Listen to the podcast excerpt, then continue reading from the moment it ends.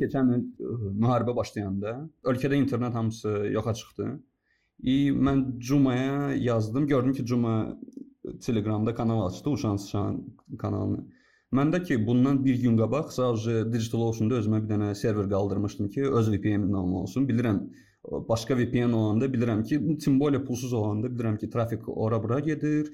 Həm sənin trafikin lik oluna bilər, həm də ki, sonra o trafiki istifadə edirlər. Mənə personalizasiya reklamda lazım deyil.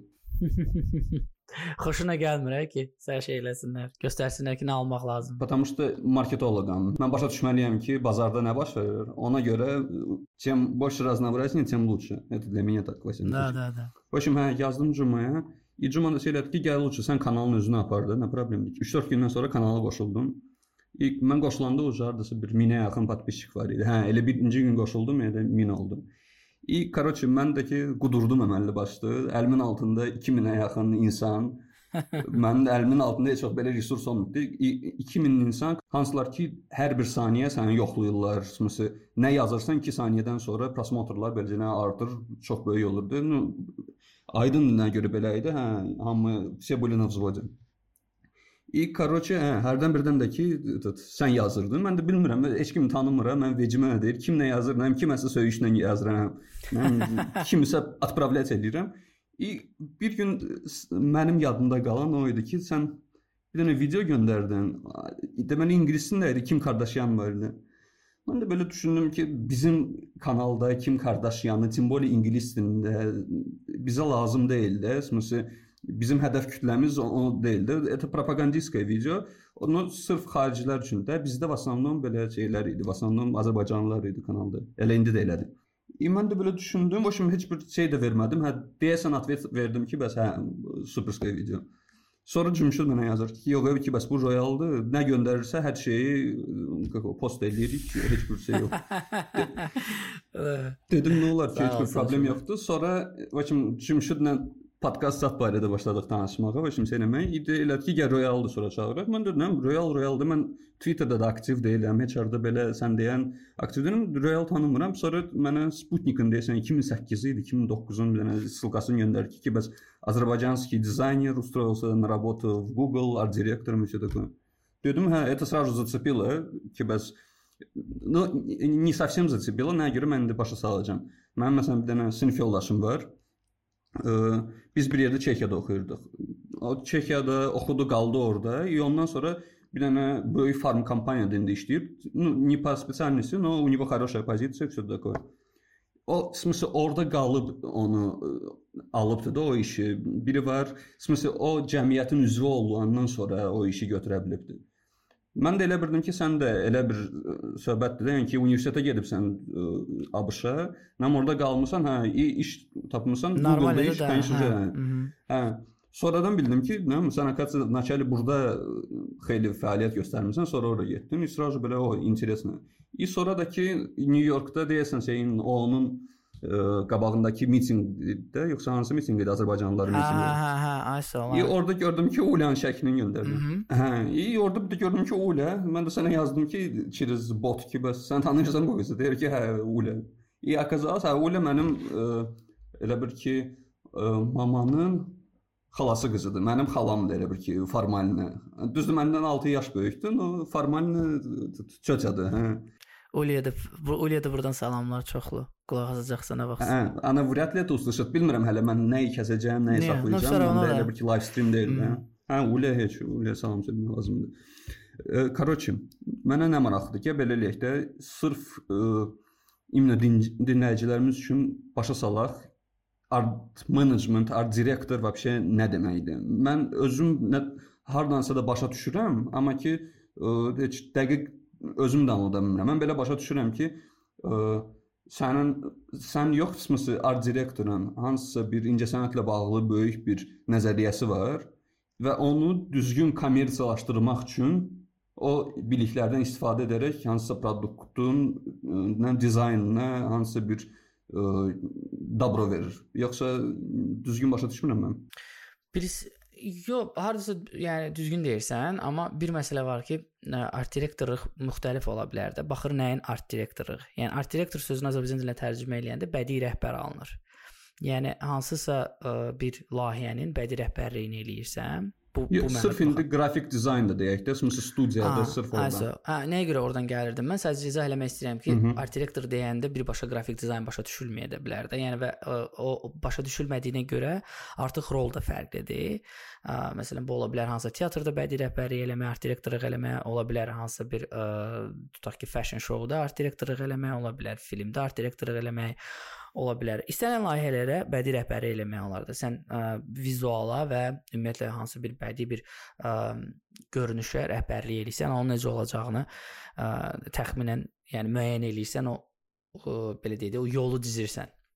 Qrafik dizaynda necədir? Qrafik dizayn özündə də müxtəliflik müxtəliflik var da. Yəni sırf bir şeyə aid deyil. Məsələn, tutaq ki, ə, biz brendinqin art direktorluğundan danışırıqsa, bu tamam fərqli bir şeydir. Ə, yəni ə, vəzifədir. Ə, əgər biz ə, nə bilim hansısa bir eventin art direktorluğundan danışırıqsa, bu tamam bir vəzifədir. Event daxili hər hansı bir layihənin art direktorluğundan danışırıqsa, bu tamam başqa bir ə, işdir.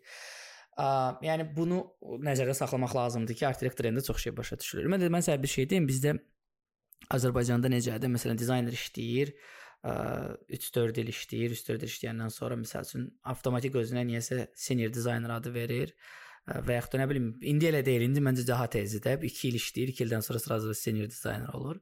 Daha sonra məsələn 4-cü, 5-ci ilə çatanda avtomatik art direktor deyir özünə və hər yerdə özünü art direktor kimi təqdim eləyir. Üstündən bir 5 ildə keçəndən sonra o deyəcək ki, mən quruyam, mən kreativ direktoram, məndən yoxdur. Əvvəl mən də elə idim. Mən də elə fikirləşirdim ki, yəni vəzifə və s. amma sonra başa düşdüm ki, həm kreativ direktor, mən mənim özümə kreativ direktor deməyim və yaxud art direktor deməyim məni hansısa dizaynerdən yuxarı və yaxud yuxarı və yaxud da daha güclü eləmir də. Bunun mənası yoxdur. Bir şey yadda saxlamaq lazımdır ki, qrafik dizaynda vəzifənin önəmi yoxdur. Mən dizayneram. Mən bu dəqiqə ə, kreativ direktor vəzifəsini icra edə bilərəm, amma mənim peşəm qrafik dizayndır. Yəni bunu yadda saxlamaq lazımdır. Çünki art direktorluq peşə deyil. Art direktorluq vəzifədir. Peşə amma qrafik dizayndır. Hmm. Yəni bilmirəm izah eləyə bildim ya yox. Sən zər, hə, elə ən bəsit nümunədə göstərim. Yəni sən zərgər ola bilərsən.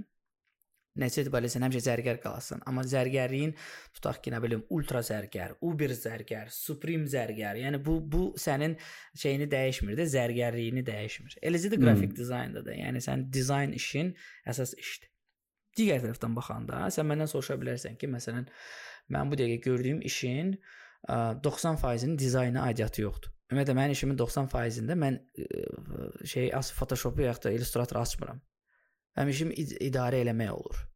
Ə, yəni daha çox bundan ə, ə, bağlı olur. Hər art direktorlar ə, belə eləyir? Yox. Hər art direktor, ə, yəni art direktorluq vəzifəsi belə deyil. Sadəcə mənim işimdə elədir ki, mən ə, sırf layihəyə uyğun ə, art direktorluq elədiyimə görə həmin layihənin ə, həmin layihəyə lazım olan işlərin ə, art direktorluğunu elədiyimə görə orada da işlərin 90%-i sən art direktorsansa əlin dizaynə dəymir ümumiyyətlə budur. Sən sadəcə yoxluyursan ümumi ə, ya da administriyirvaniyə də belə hə, deyil. Yəni daha çox ə, ə, dizaynerlərin öz işini düzgün görməyini yəni bunu hansı dərəcədə yerinə yetirməklərini və ə, keyfiyyətə nəzarət eləyirsən belə deyim.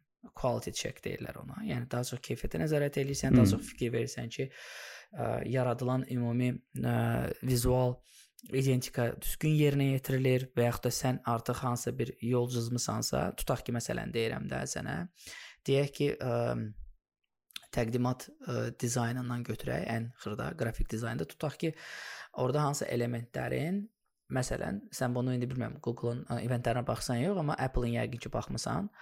Məsələn, Apple-da göstərsən, görürlər ki, məsələn, göstərirlər ki, hə, yeni iPhone 12 qiymət falan qədər, düzdür? Orada görsən, fikir versən, sən bəlkə də onu hiss eləmirsən, amma orada xırda detallar var. Sən deyəndə sırf səni nəzərdə tutmuram, ümumidə, yəni. Sən başa bəlkə də konkret başa düşürsən onu, ümumi olaraq. Hə, mən başa düşdükcə əbrəş edirəm. Yəni orada məsələn elə olur ki, tutaq ki, iPhone 12 dayanıb sol tərəfdə, qiymət yuxarıda sağ hissədə küncdən düzəlib, dollar işarəsi biraz balaca düzdür. Bu artıq bir stildir də, yəni o üslub qoyulur ona. Bütün sən fikir versən, həmin bütün məhsullar eyni ilə təkrarlanır o üslubda. Yəni birində dollar işarəsi böyük, rəqəm işarəsi balaca, ə, telef yəni device dediyimiz şey məhsul sağda, ə, rəqəm solda deyil də, hamısında eynidir. Buna, yəni o sən artıq onu əvvəlcədən müəyyənləşdirirsən ki, ə, bu belə olacaq. Onu müəyyənləşdirəndən sonra verirsən bütün dizaynerlərə ki, bütün məhsulların qiymət ə, şatını, yəni qiymətin göstərildiyi momenti, slaydı mütləq belə eləyin. Yəni sən artıq onu art direktorluğuna eləyirsən. Başa düşdün necə? Yəni bu cür xırda detallara nəzarətdən tutmuş ümumilikdə məsələn sən baxırsan tutaq ki 25-30 səhifəlik bir təqdimatdırsa, o təqdimatda məsələn qərar verə bilərsən ki, yox, burada məsələn bu ə, oxuyursan storyboard deyirlər ona skript, yəni ssenari yazılır əvvəlcədən. O ssenaridə məsələn baxırsan ki, yox bu ssenaridə bu 10 dəqiqə danışır. 10 dəqiqə 10 dəqiqə yox da, indi bütün ssenarinin özü 10 dəqiqə olur çox vaxt. Tutaq ki 30 saniyə danışır da, düzdür? Bu 30 saniyədə animasiyanın ə, ölçüsü isə 40 saniyədir. Sən avtomatik onu qısaltmalısan. Sən başa salmalısan ki, yəni ümumi flow deyirlər də ona, axım.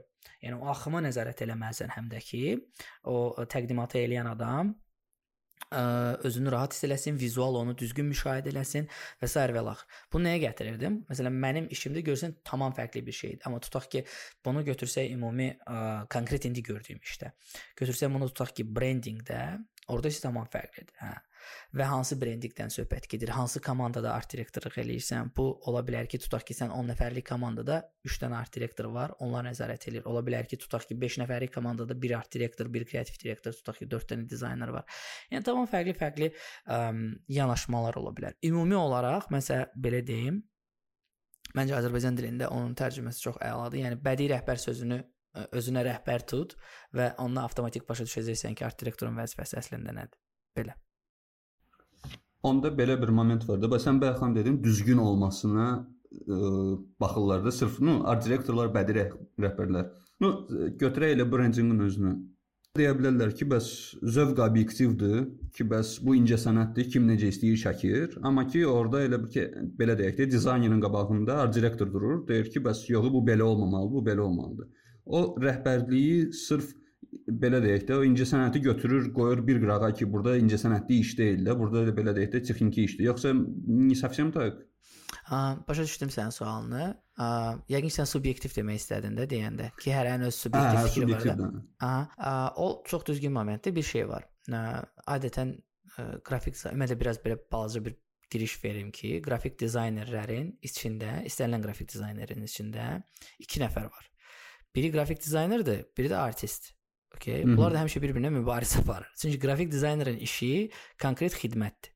Yəni sənə göstərilən, sən ə, hansısa bir sifarişi yerinə yetirirsən və sifarişin konkret brifi var. Sənə konkret ə, deyilir ki, mən filan şey istəyirəm. Hə, onu necə icra edəcəksən, onun interpretasiyasını necə edəcəksən, o artıq sənin ə, belə deyək, istedadına bağlı olan bir şeydir. İkinci isə artist artist ə, e, individuumu, onun içindəki o ə, e, şəxsiyyəti belə deyək, ə, e, qrafik dizaynerin. O isə biraz daha şeydir də, mənə heç kim heç nə deyə bilməz, özünü Dali kimi aparmaq, Picasso-luq eləmək, filan fesməkam. Bunlar var. Bunlar həmişə mübarizə aparır da o ə, ə, qrafik dizaynerin içində. Çünki istənilən qrafik dizayner istəyər ki, ə, ona heç kim heç bir ə, komment verməsin, heç bir şərh bildirməsin, heç bir formada belə deyim də, yəni onun işinə qarışmasın, o nə dedisə odur tutaq ki, bir dənə nə bilim Malevich deyiləsin də, bir dənə kvadrat çəksin, o hamı da desin ki, hə o da budur, bunu belə çəkdilərsə belədir. Um, art direktorun burada vəzifəsi nə olur? Art direktorun vəzifəsi qrafik dizaynerlə danışanda ə, onun ə, icrasına qarışmır. Yəni məsələn tutaq ki, deyirəm də, sənə branding verilibsə və biz deyirik ki, ə, bu biraz daha dinamik Hər şeydən əvvəl art direktor özü müəyyənləşdirir üslubu, yəni və qrafik dizayner sadəcə icraçı olur. Yəni qrafik dizaynerin vəzifəsi icra eləməkdir. Bu öz vəzifəsini peşkar olaraq tam başa düşməlidir ki, sənin vəzifən nədir. Yəni sən art direktorluq eləmirsən. Qrafik dizayner art direktorluq eləyəndə hə onda problem yaranır. Çünki artıq onların bir-birinin fikirləri kəsişir və s. Qrafik dizayner öz işini biləndən sonra ki, mənim işim art direktorun dediyi formada, çizdiyi yolla getməkdir. Mən yoldan kənara çıxmamalıyam Çünki mən ona inanmalıyam. Çünki biz komanda yoldaşıyıq. Çünki o art direktor da ona güvəniblər və onun təcrübəsi məndən böyükdür deyə və yaxud da daha yaxşı bu işi bacarır deyə ordadır. Mən art direktor deyiləm, o da art direktor. Bunu hər şeydən əvvəl başa düşmək lazımdır. Çünki bu adətən qarışdırılır. Bunu tutaq ki, müharibə dövründə götürsək də, hər kəs öz işini düzgün yerinə yetirməlidir. Tutaq ki, sən tankın içindəsənsə və maşinistlər var da orada. Orada heç kim demir ki, yox, sağa solacağam, yox, sola sürəcəm. Elə deyil də. Hər kəsin öz konkret vəzifəsi var. Rabitəçi öz işini görür. Tutaq ki, o hansı ə, tankın sürücüsü tam fərqli bir işi görür. Tutaq ki, orada nə bilim, gülləni dolduranda başqa bir işi görür. Onlar heç kim bir-birinin işinə qarışmır. Qarışmamalıdır da. Eləcə də yəni dizayndır. Yəni hər kəs öz işini düzgün görməlidir. Hər kəs öz işinə qarışmamalıdır. Art direktor sadəcə yol verir. Art direktor orada ə, ə, və şərh bildirir əlbəttə ki. Çünki şərh bildirmək çox əhəmilidir. İndi qayıdaq sən o subyektivlik məsələnə ki, ə, bu necə müəyyənləşdirilir? Yalandan o, bunu dəsə, uza hə, dəsə əlavə də eləyim həmin o suala. Sən necə ə, sən dedin ki, nə məndən ə, opıtı daha da çoxdur. Ona görə ə, dizayner art direktor eləməlidir. Yaxşı, bəs ə, art direktora necə çatmaq olar? Hər dizayner axı mənə elə gəlir ki, art direktor ola bilməz axı. Administrativni özü əldə ə, asan şey deyil axı belə baxanda. 100%, 100%. Məsələn, sənə adi bir şey deyim. Ə, mən mən burada ə, art direktora birdən-birə mən art direktor kimi götürməyiblər də. Yəni hansı bir müəyyən ə, müddətdən sonra ə, mənə o art direktorluq vəzifəsi verilib.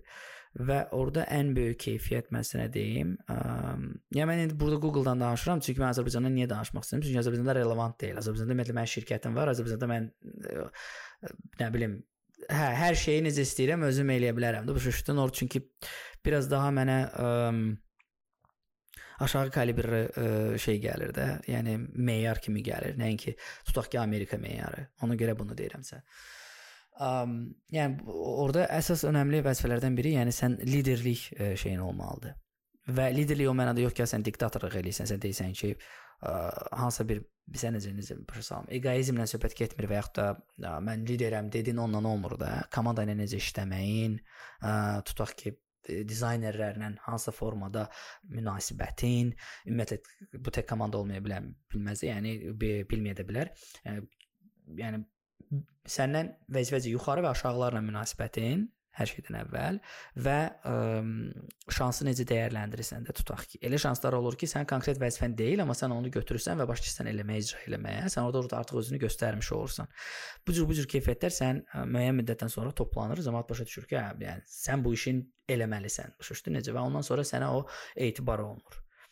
Yəni o o, o dizaynerdən art direktorluğa keçid də belə başlayır. Yəni Sən biri var ki, hansısa konkret işi görürsən, bir də var ki, sən artıq liderlik eləyirsən. Hansısa formada sən bildirirsən ki, ə, məsələn, bunu belə eləsək daha yaxşıdır və o çözümü tapırsan.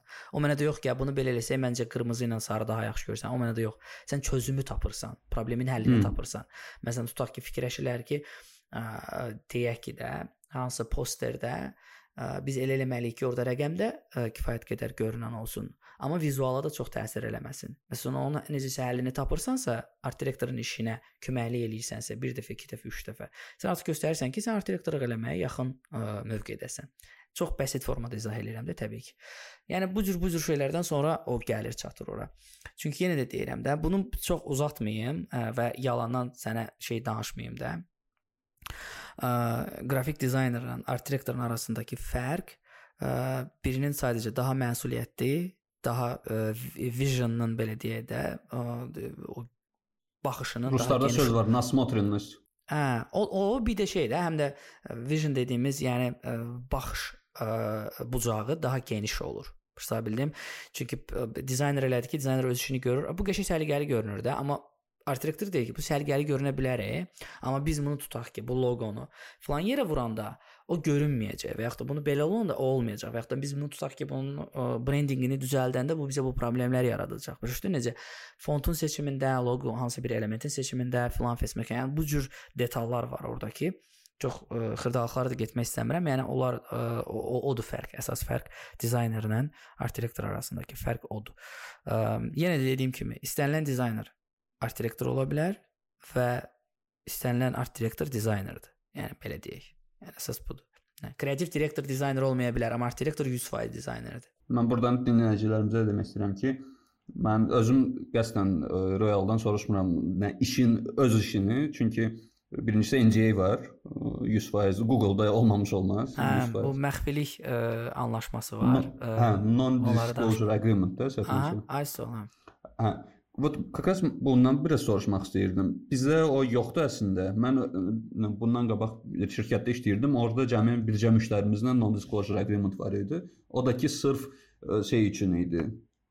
Sırf bizim fəaliyyətimiz üçün idi. Amma ki deyə bilərdik ki, məsələn, hə bizim müştərini şeyə portfolio qoya bilirdi o heç.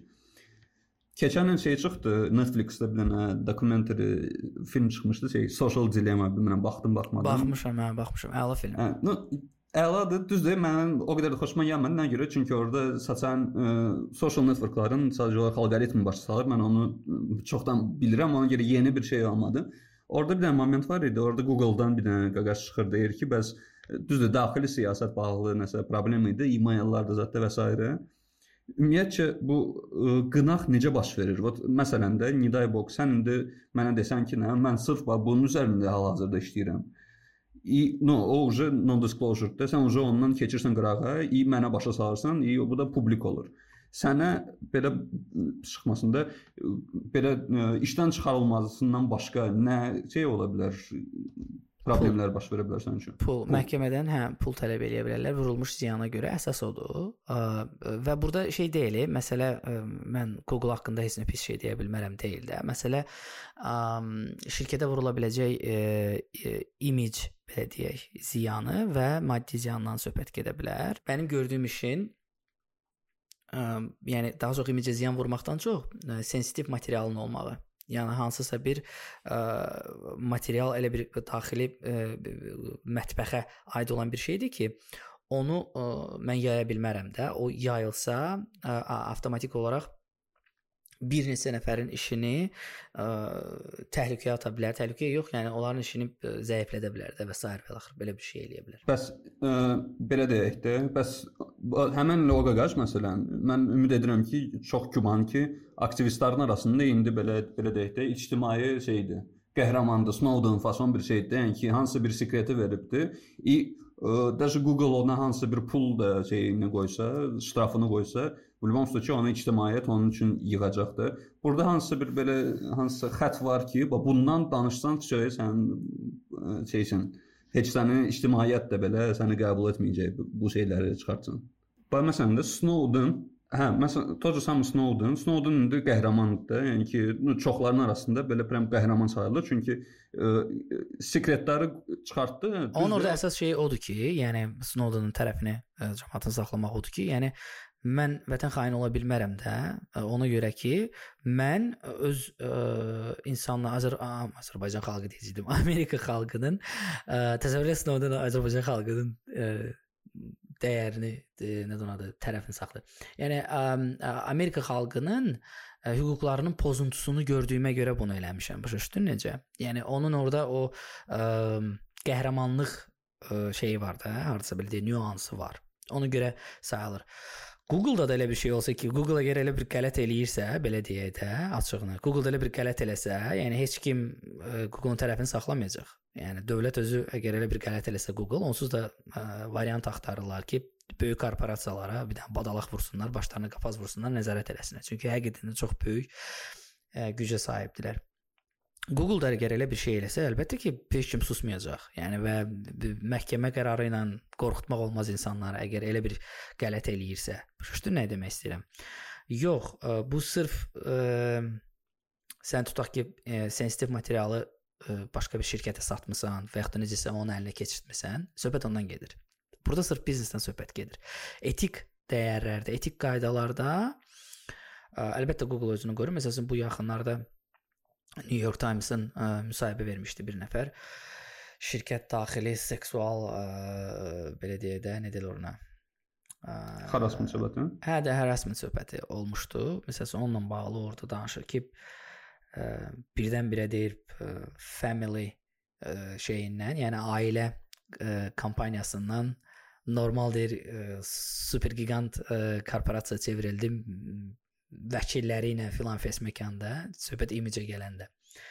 Belə şeylər olur, belə şeylər qaçılmazdır təbii ki. İndi bunu ə, biz məxfilik şeyindən götürsək, hər bir şirkətə bu lazımdır. Niyə? Çünki o məxfilik Ortada pul var. Hə, o məxfilik müqavilələri olmasa, yəni bu təsir eləyir. Hamının işini ingilislərin yaxşı sözü var, jeopardize. Yəni ə, sabotaj məncə qəşəng sözdür, sabotaj eləyir. Yəni sən elə bir ki bir bütün bütün bir tutaq ki, bir il ərzində biz bunu işləyirik, hansısa bir layihəni. Mən burada otururam, tutaq ki, sənlə söhbət eləyəndə bir dənə nəsə bir söz buraxıram.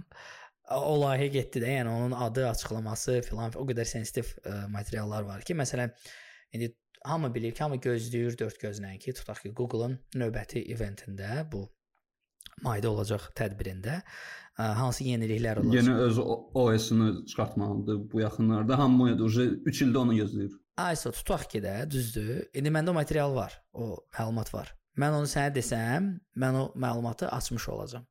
Başa düşdün necə? Varmı o OS, yoxdurmu OS, necədir, hansı formadadır, adı nədir, familiyası nədir, başa düşdün necə? Elə şeylər var ki, mənim ona ə, ingiliscəsi var, clearance-ım var, mənim məlumatım var. Elə şeylər də var ki, heç mənim məlumatım yoxdur. Təsəvvür elə.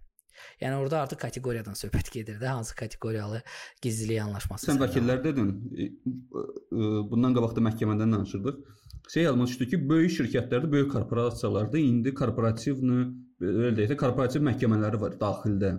O nə olan şeydir? Ümumiyyətlə sən ə, qarşılaşmısan ondan yoxsa Yox, şirkət hətta daxili, orada adi şeylər. Şirkət daxili məhkəmə yoxsa necə başa düşmürəm? Hə, hə, şirkət daxili məhkəmələr olur.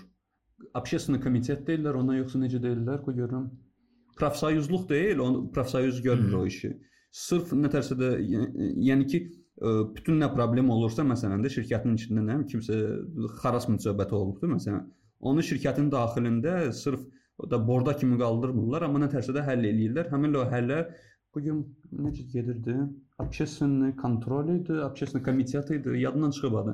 Bu işin məhkəməyə oxşayan bir şeydir. Orada da tərəflər olur, orada şey. Onu dedim bəlkə sən qarşılaşmırsan dedim. Yox, mənim elə bir problemim olmayıb, şükür Allaha, belə deyək. Amma ə, yəqin ki var, yəqin ki var. Ə, elə bir şeylər, elə bir praktika 100% var. Ə, amma sırf Google-da elə bir şey ə, bilmirəm, daha çox Yəni o, o tərəfdən açıq heç maraqlanmamışam deyə yalandan da danışmaq hmm. istəmirəm sən səninlə burada. Ona görə yəni belə. Hə, başa düşdüm. No sən New York ofisindəsən, sən şeydə deyilsən. Mən New Yorkdayam. Hə, amma mənim ə, daxil olduğum şirkət, yəni Google dediyimiz deyil. Mənim daxil olduğum şirkət Alphabet ə, şirkəti ilə iş görür. Yəni ana şirkətə. Google-un sahibi belə deyək də. Hə, yəni daha çox biz yəni sırf mən Google üçün görmürəm, mən YouTube üçün də görürəm, iş, Waze üçün də görürəm. Alphabetin daxilində olan ə, şirkətlər nələr varsa, onların ə, B2B işlərindən tutmuş Ə, yəni nəyə görə bayaqdan mən məxfilik məxfilik deyirəm. Mən gördüyüm işlərin 99%-i heç ə, ə, ictimaiyyətə təqdim olunmur.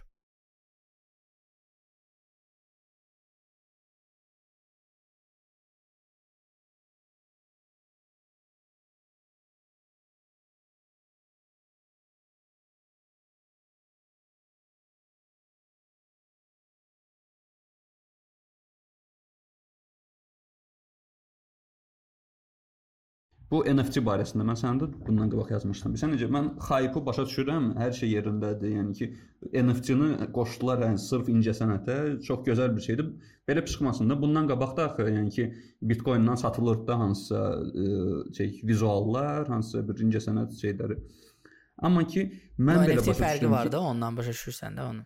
Hə, NFT mən onu demək istəyirəm. İndi elə alınır ki, NFT skəri indi hype-dadır, hə, o hələ ki vizuallar barəsindədir. Amma mən belə başa düşürəm gələcəkdə NFT-nin gələcəyi sırf copyright-la bağlıdır. Sırf ümumən müəllif hüquqlarının gələcəkdə qorunmasıdır mən belə başa düşürəm. Yoxsa mən düzgün başa düşmürəm əslində. Düzdür.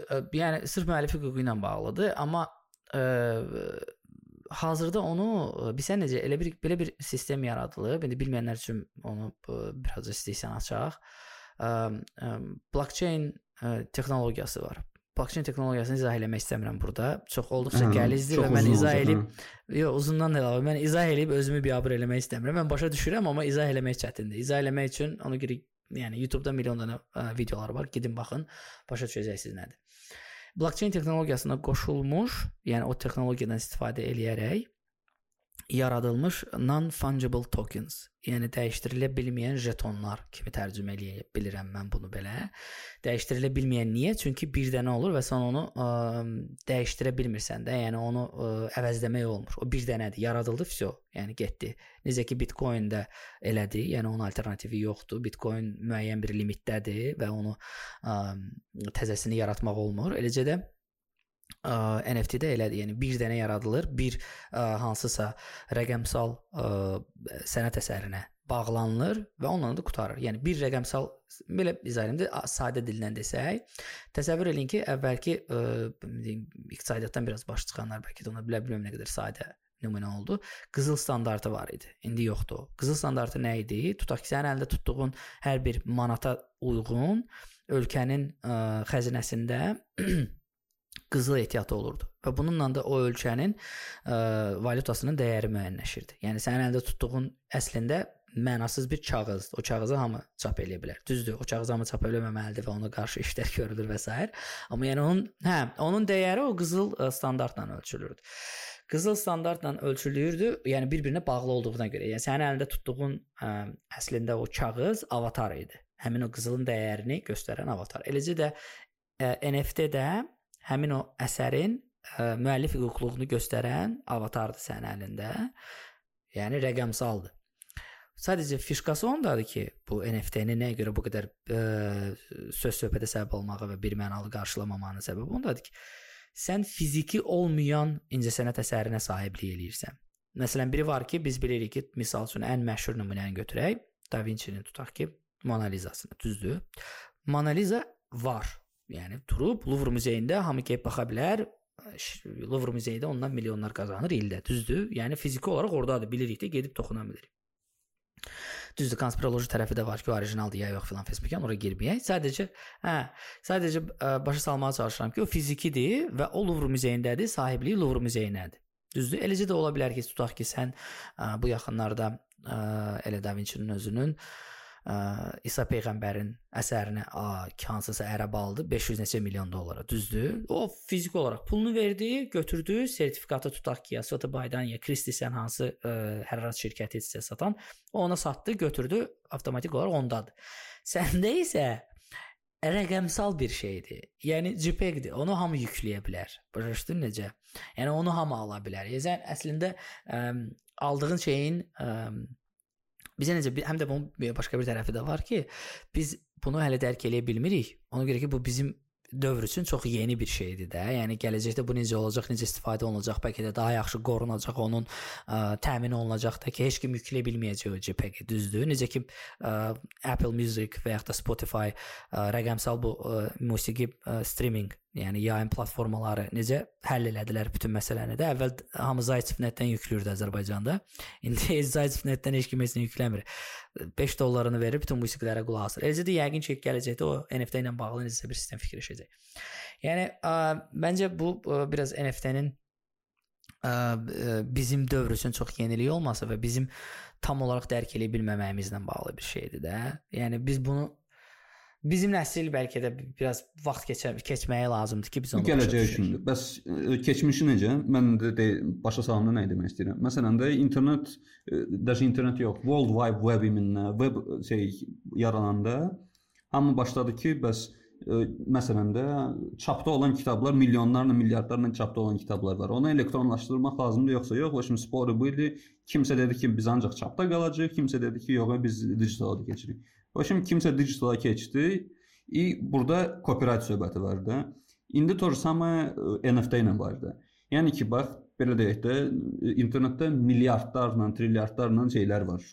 Hansı vizuallar var. Onları indi copyrightlamaq lazımdırmı, yoxsa NFT indən belə hansı bir vizuallar üçün lazım olacaq sırf copyrightları, ну, e, hüquqları qorumaq üçün, yoxsa köhnələrə də eləmək olar, ona şey. Yəqin ki, köhnələrə də eləmək olar 100%. İndi mən sizə bir şey deyim, bilmirəm sən istifadə eləmisən ya yox. Ə, e, tutaq ki, stock photography şeyləri var. Düzdür? Sən orada e, müəyyən bir məbləğdə götürüb istifadə edə bilirsən. Amma bilmirəm o onu oxumusan ya yox. Məsələn, orada sənin istifadə limitin var sən tutaq ki, ə, adi lisenziya ilə alırsansa o şəkli, hansısa bir artwork-ü, tutaq ki, hansısa dizayner Shutterstock-a nəsə yükləyibsə, sən onu məsələn cəmi 100 min dənə kopyasını çıxarda bilərsən, 100 min dəfə istifadə edə bilərsən. Bir də var tutaq ki, enhanced license və yaxud da ə, royalty alırsan da ona, tam hüququnu alırsan. Onun artıq qiyməti olur tamam fərqli və o sən onu purchase eləyəndən sonra avtomatik olaraq səndə qalır. Yəni kim neçə dəfə istifadə eləyəcəksə, bundan sonra alınıbsa, onun limiti var axı 100 min dəfə istifadə eləyəcək və ondan sonra bitəcək. Amma hüququ səndədir. Sən onu nə istəyirsən eləyə bilərsən. Eləcə də yəni NFT-lərə bağlı olacaq. Məsələn, o ə, bir plan elədiyi nə idi? İlk 5000 gün. O 5000, yəni 5000 gün nə deməkdir? Gün neçə il əvvələ gəlib çıxır. Yəni 4-5 il əvvəlin ə, paylaşdığı əsərlərdir də. Hamı onu hardasa bu dəqiqə istifadə eləyir. Amma hüququ bir nəfərdədir. Başa sala bilmirəm, bilmirəm. Yəni belə bir ə, belə bir belə deyim də sistem yaradılıb.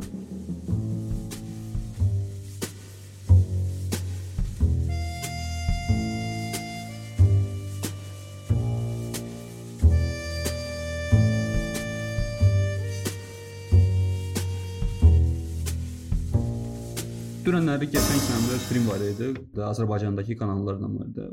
Mən bununla belə şeyləri danışanda ümumiyyətlə bombit. Mənə nədənsə də elə gəlir ki, hələ ki normal content, Tim bolye Azərbaycan dilində mənə elə gəlir ki, hələ ki yoxdur. Sən göstərdin hə bir 10 dənə variant, hə, yaxşı variantlardır. Bəzilərinə özüm də baxıram, bəzilərini sevirəm. Mənə nədənsə də elə gəlir ki, yoxdur. Bütün sən göstərdiyin kanallar hamısı nə 2-3 ilin kanallardır. Bundan qabaq yox idi. Bundan qabaq rus dillilər rus kanallarına baxırdı, Azərbaycan dillilər türk kanallarına baxırdı YouTube-da. Ortada da ki bir şey yoxdur. Ortada 2-3 nəfər hər kanal var idi ki, hansı ki yaxşı idi. Məsələn, sənin kanalında mən belə başa düşürəm 2-3 ildir minimum gedir kanal. Mhm. Mən isə məsələn də Azərbaycan dilli kontenti, nə bir axırıncı 1 il olar başlamışam istifadə etməyə. Bundan qabaq istifadə eləmirdim. Nəyə görə? Çünki mən açırdım, görürdüm ki, nə Cavana Cavan TV kimi kanalları idi, nə bilim, Vaynerların kanalları idi. Vayner deyəndə mən sırf konkret o Cibil Vaynerları nəzərdə tuturam şeyləri, Əlixangil yox, Əlixangil kino çəkirlər. O не совсем Vaynerdir də. Mən sırf şeyləri deyirəm, Bumble-ları deyirəm, belə deyim. Hə, onları görəndən sonra name dropping elədin də, amma sən adı dedin də, yəni artıq çəkdin adları. Adları çəkmisənsə, davay dəş adları da çəkək, danışaq sən istəyirsənsə o adamlardan. Əndən məsələn Hüseyn Əzizoğlu zət, bilirsən necə? Mən onda Moskvada yaşayırdım. Hərdən YouTube-u dəyişirdim, Azərbaycana qoyurdum. Trendində nələr var? Seriallar o heç, seriallar, kliplər. Bir də görürəm nəm hərdən o vaxtı həmin Hüseyn Əzizoğlu idi, Mənsur Şərif idi. Onlardan həm bir badam, iki nəsə belə bir kanalları var idi. O kimi onların kontentləri tez-tez çıxırdı. Hə, baxırsan, görsən ki, hə belə bambalı kontentdə hə cibilni, düşüb nə verəcəm kontentdə. Hə. Konkretlə ət tökənsə ki, nə burdan duca baxırsan, ondan sonra bunu açandan sonra adam vəbşə də beləcən dəli olurdu, vzrıv mozqu. Təsəvvür edin. Hə Onlara baxırsan deyirsən ki, deməli Azərbaycanda kontent yoxdur, mən istifadə də etmək istəmirəm Azərbaycan dilli kontenti. İ sənin kimi kanalın mənim qarşıma çıxanda mən ucu sırası avtomatik düşünürəm ki, bunda da 100% nəsə cibilli bir dənə kontentdir. Mən heç ona baxmaq da istəmirəm. Всё, даже rekomendasiyada görsəm belə mən sizə onu yığışdıracağam. Məsələn, mən sənin hansı videon var idi, deyəsən Faiq Ağayevlə olan müsahibə o Çornobeli. O mən o thumbnail-ı mənim yadımdadır ki, mən onu hardasa görmüşəm bundan qabaq. Yəni ki, amma ki baxmamışam. İndi isə hə, yavaş-yavaş kontentlər gəlir. Amma ki, siravno sən necə keyfiyyətli kontenti mən yenə də görə bilmirəm. Sən dünənləri televiziya barədə dedin ki, bəs televiziya YouTube-a gəldi, amma televiziya YouTube-a gəlmədi. Televiziya öz kontentini sadəcə olaraq YouTube-da YouTube video hosting kimi istifadə edir də. Və TNT kimi YouTube-a gələndə bax onda başqa olacaq. TNT necə gəldi YouTube-a? Mən TNT kanal kimi şey eləmirəm. Mən TNT-ni şey ə, medium quality nəzərdə tuturam. Deməli Vyacheslav Muhamedov var, TNT-nin əsas prodüserini. Yoxsa kreativ prodüserdir. O kimi bilmirəm konkret vəzifəsini. Onlar nə edirlər? Onlar ə, sırf internetdə yaxşı production yaratdılar. Adını qoydular medium quality. Şeydən başladılar. Big Russian Boss-dan başladılar. O onların birinci sırf Big Russian Boss-dan başladılar. İlk qəşəng kontentlə, simvol Big Russian Boss-u da ucu şey elədilər, zvizda elədilər, rap zat o bir yana. İ sonra başladılar başqa kontentlərlə məşğul olmağa. Label.com-un bütün şeylərini onlar görürlər. Nə Shtobla Dalshin Production-ı onlardadır. Sonra nə bilim şeyin Xarlamovla həm Batrudinovun productionda da onlar görünür. Bu üçün bunlar belə bir böyük bir quruma çevrildilər. Böyük bir gözəl bir productiona. Yəni ki, bunlar televiziyadan belə gəldilər YouTube-a. E, sırf YouTube üçün kontent başladılar yaratmağa. Və mən bunu demək istəyirəm. Yəni ki, öz kontentləri ilə gəlmədilər. Yəni ki, gəlmədilər ki, gəlin biz komedi klubu YouTube-da eləyək. Bunlar gəldilər ki, gəlin biz öz kontentimizi eləyək. Yəni ki, o ideyanı yox, öz başqa yeni bir ideyanı. Və Azərbaycanda hələ ki bu baş verməyibdi hələ ki televiziya işçiləri, yəni ki, bilirsən necə kontent elə bir şeydir ki, tüm belə ucu 2021-ci ildə də əgər biz nə 2015-ci ildən danışsaydıq, onda aydındır ki, sən adi bir kontentlə, telefonla çəkilmiş kontentlə girə bilərdin. Onun keyfiyyəti mütləq böyük olmamalı idi. Amma 2021-ci ildə böyük şirkətlər, productionlar, nə məsələn də şey unbox terapini açırsan, görürsən ki, ideal kontentdir, yəni ki, keyfiyyəti idealdır. Onu görəndən sonra sən adi kontentə baxırsan, yəni ki, adi həvəskar kontentə baxırsan, sırası o həvəskar kontent səndə dissonans yaradır ki, yox, bu belə olmamalıdır, bu daha da keyfiyyətli olmalıdır. Mən ona görə deyirəm ki, televiziyadan kimsə gəlməlidir e, şeyə Azərbaycan YouTube-una və ondan sonra həmin o YouTube başlayacaq ə, e, daha da böyüməyə. Çünki e, belə çıxmasın, biz televiziyanı indi pisləyirik və s. amma ki televiziyada professionallar işləyir. Yəni ki onun işığı qurmağından tutmuş, onun production-na kimi, ssenarisinə kimi televiziyadakı işləyən insanlar bizdən qat-qat, yəni ki adi kontent yaradan insanların qat-qat yaxşı başa düşürlər. Drama nədir və s. onu yaxşı başa başa düşürlər.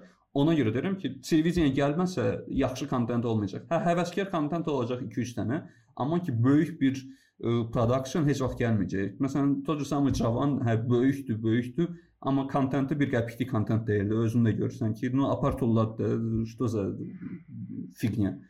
Mən onu demək istəyirəm ki, heç vaxt gəlməyəcək. Sən amma deyəsən başqa biraz optimistsən bu şeydən. Ya indi çox məqamlara toxundum. Mən ə, yavaş balaca-balaca necə deyirlər. Elə ki bir-bir kakraz elə danışaq. Hə, bir-bir danışaq o vaxtı. Ki birinci ondan başlayaq ki, mən nəyi nəzərdə tuturdum televiziya gəldi deyəndə mən auditoriya artıq ə, e, yadındaca o people meter sən də dedin ki, nə qədər orada people meter ə, e, quraşdırılıb Azərbaycanda filan Facebook'a mən başa salmağa çalışırdım ki, artıq meyar prime time deyil, yəni televiziya prime time deyil, artıq prime time dəyişib hə, və YouTube-a gəlib. Hə, yəni demək istədiyim o idi ki, tək Azərbaycanda yox, bütün dünyada bütün telekanallar gəlir kontenti ilə, öz kontenti ilə Yəni necə var televiziyada çıxır, onu sadəcə yerləşdirir ora. Sən demiş hosting elmi. Yəni onu nəzərdə tuturdum onsuz da. Yəni yeni bir kontent gətirir yox. Ə, ikinci məsələ odur ki, ə, sən bir neçə orada nümunələr dedin. Məsələn, medium quality-nin gətirdiyi. Medium quality sən özün bilirsən ki, TNT uzun müddət ə, bu Comedy Club filan fest məkan ə, YouTube-a gəlmirdi. YouTube-dan istifadə edirdi. Niyə? Çünki birbaşa Kremlin əlinin altında olan peşkalardır və hmm, YouTube-dan medianın şeyidir. Hə, aysa ola. Ona görə də gəlmək istəmirdilər və s. Onlar avtomatik olaraq başqa bir şey format fikirləşməli idilər və ə, bir çox adam heç bilmir ki, bu TNT-nin işidir. Məsələn, Что было дальше və yaxud da Label.com-un daxilində olan Lena Kukazadə. Yəni bunların ə, əslində TNT-nin işi olduğunu bilmirlər. Niyə? Çünki ona baxan adamlar deyir ki, ə, məsələn, TNT Comedy Club nədir, bezdanıdır. Mən ə, şeyə baxıram da, Label.com-a baxıram, amma əslində ikisini də eyni. Yəni, yəni günümüzə hə, aramıza baxır. Comedy Club ucu şey olubdu. Hə, Nədən adı? Qavna olubdu. Hə, mainstream underground. Hə, yəni onu bəyənməyən adamlar ona baxır, amma əslində başa düşmür ki, ikisini də eyni adam görür də, belə pis çıxmasın.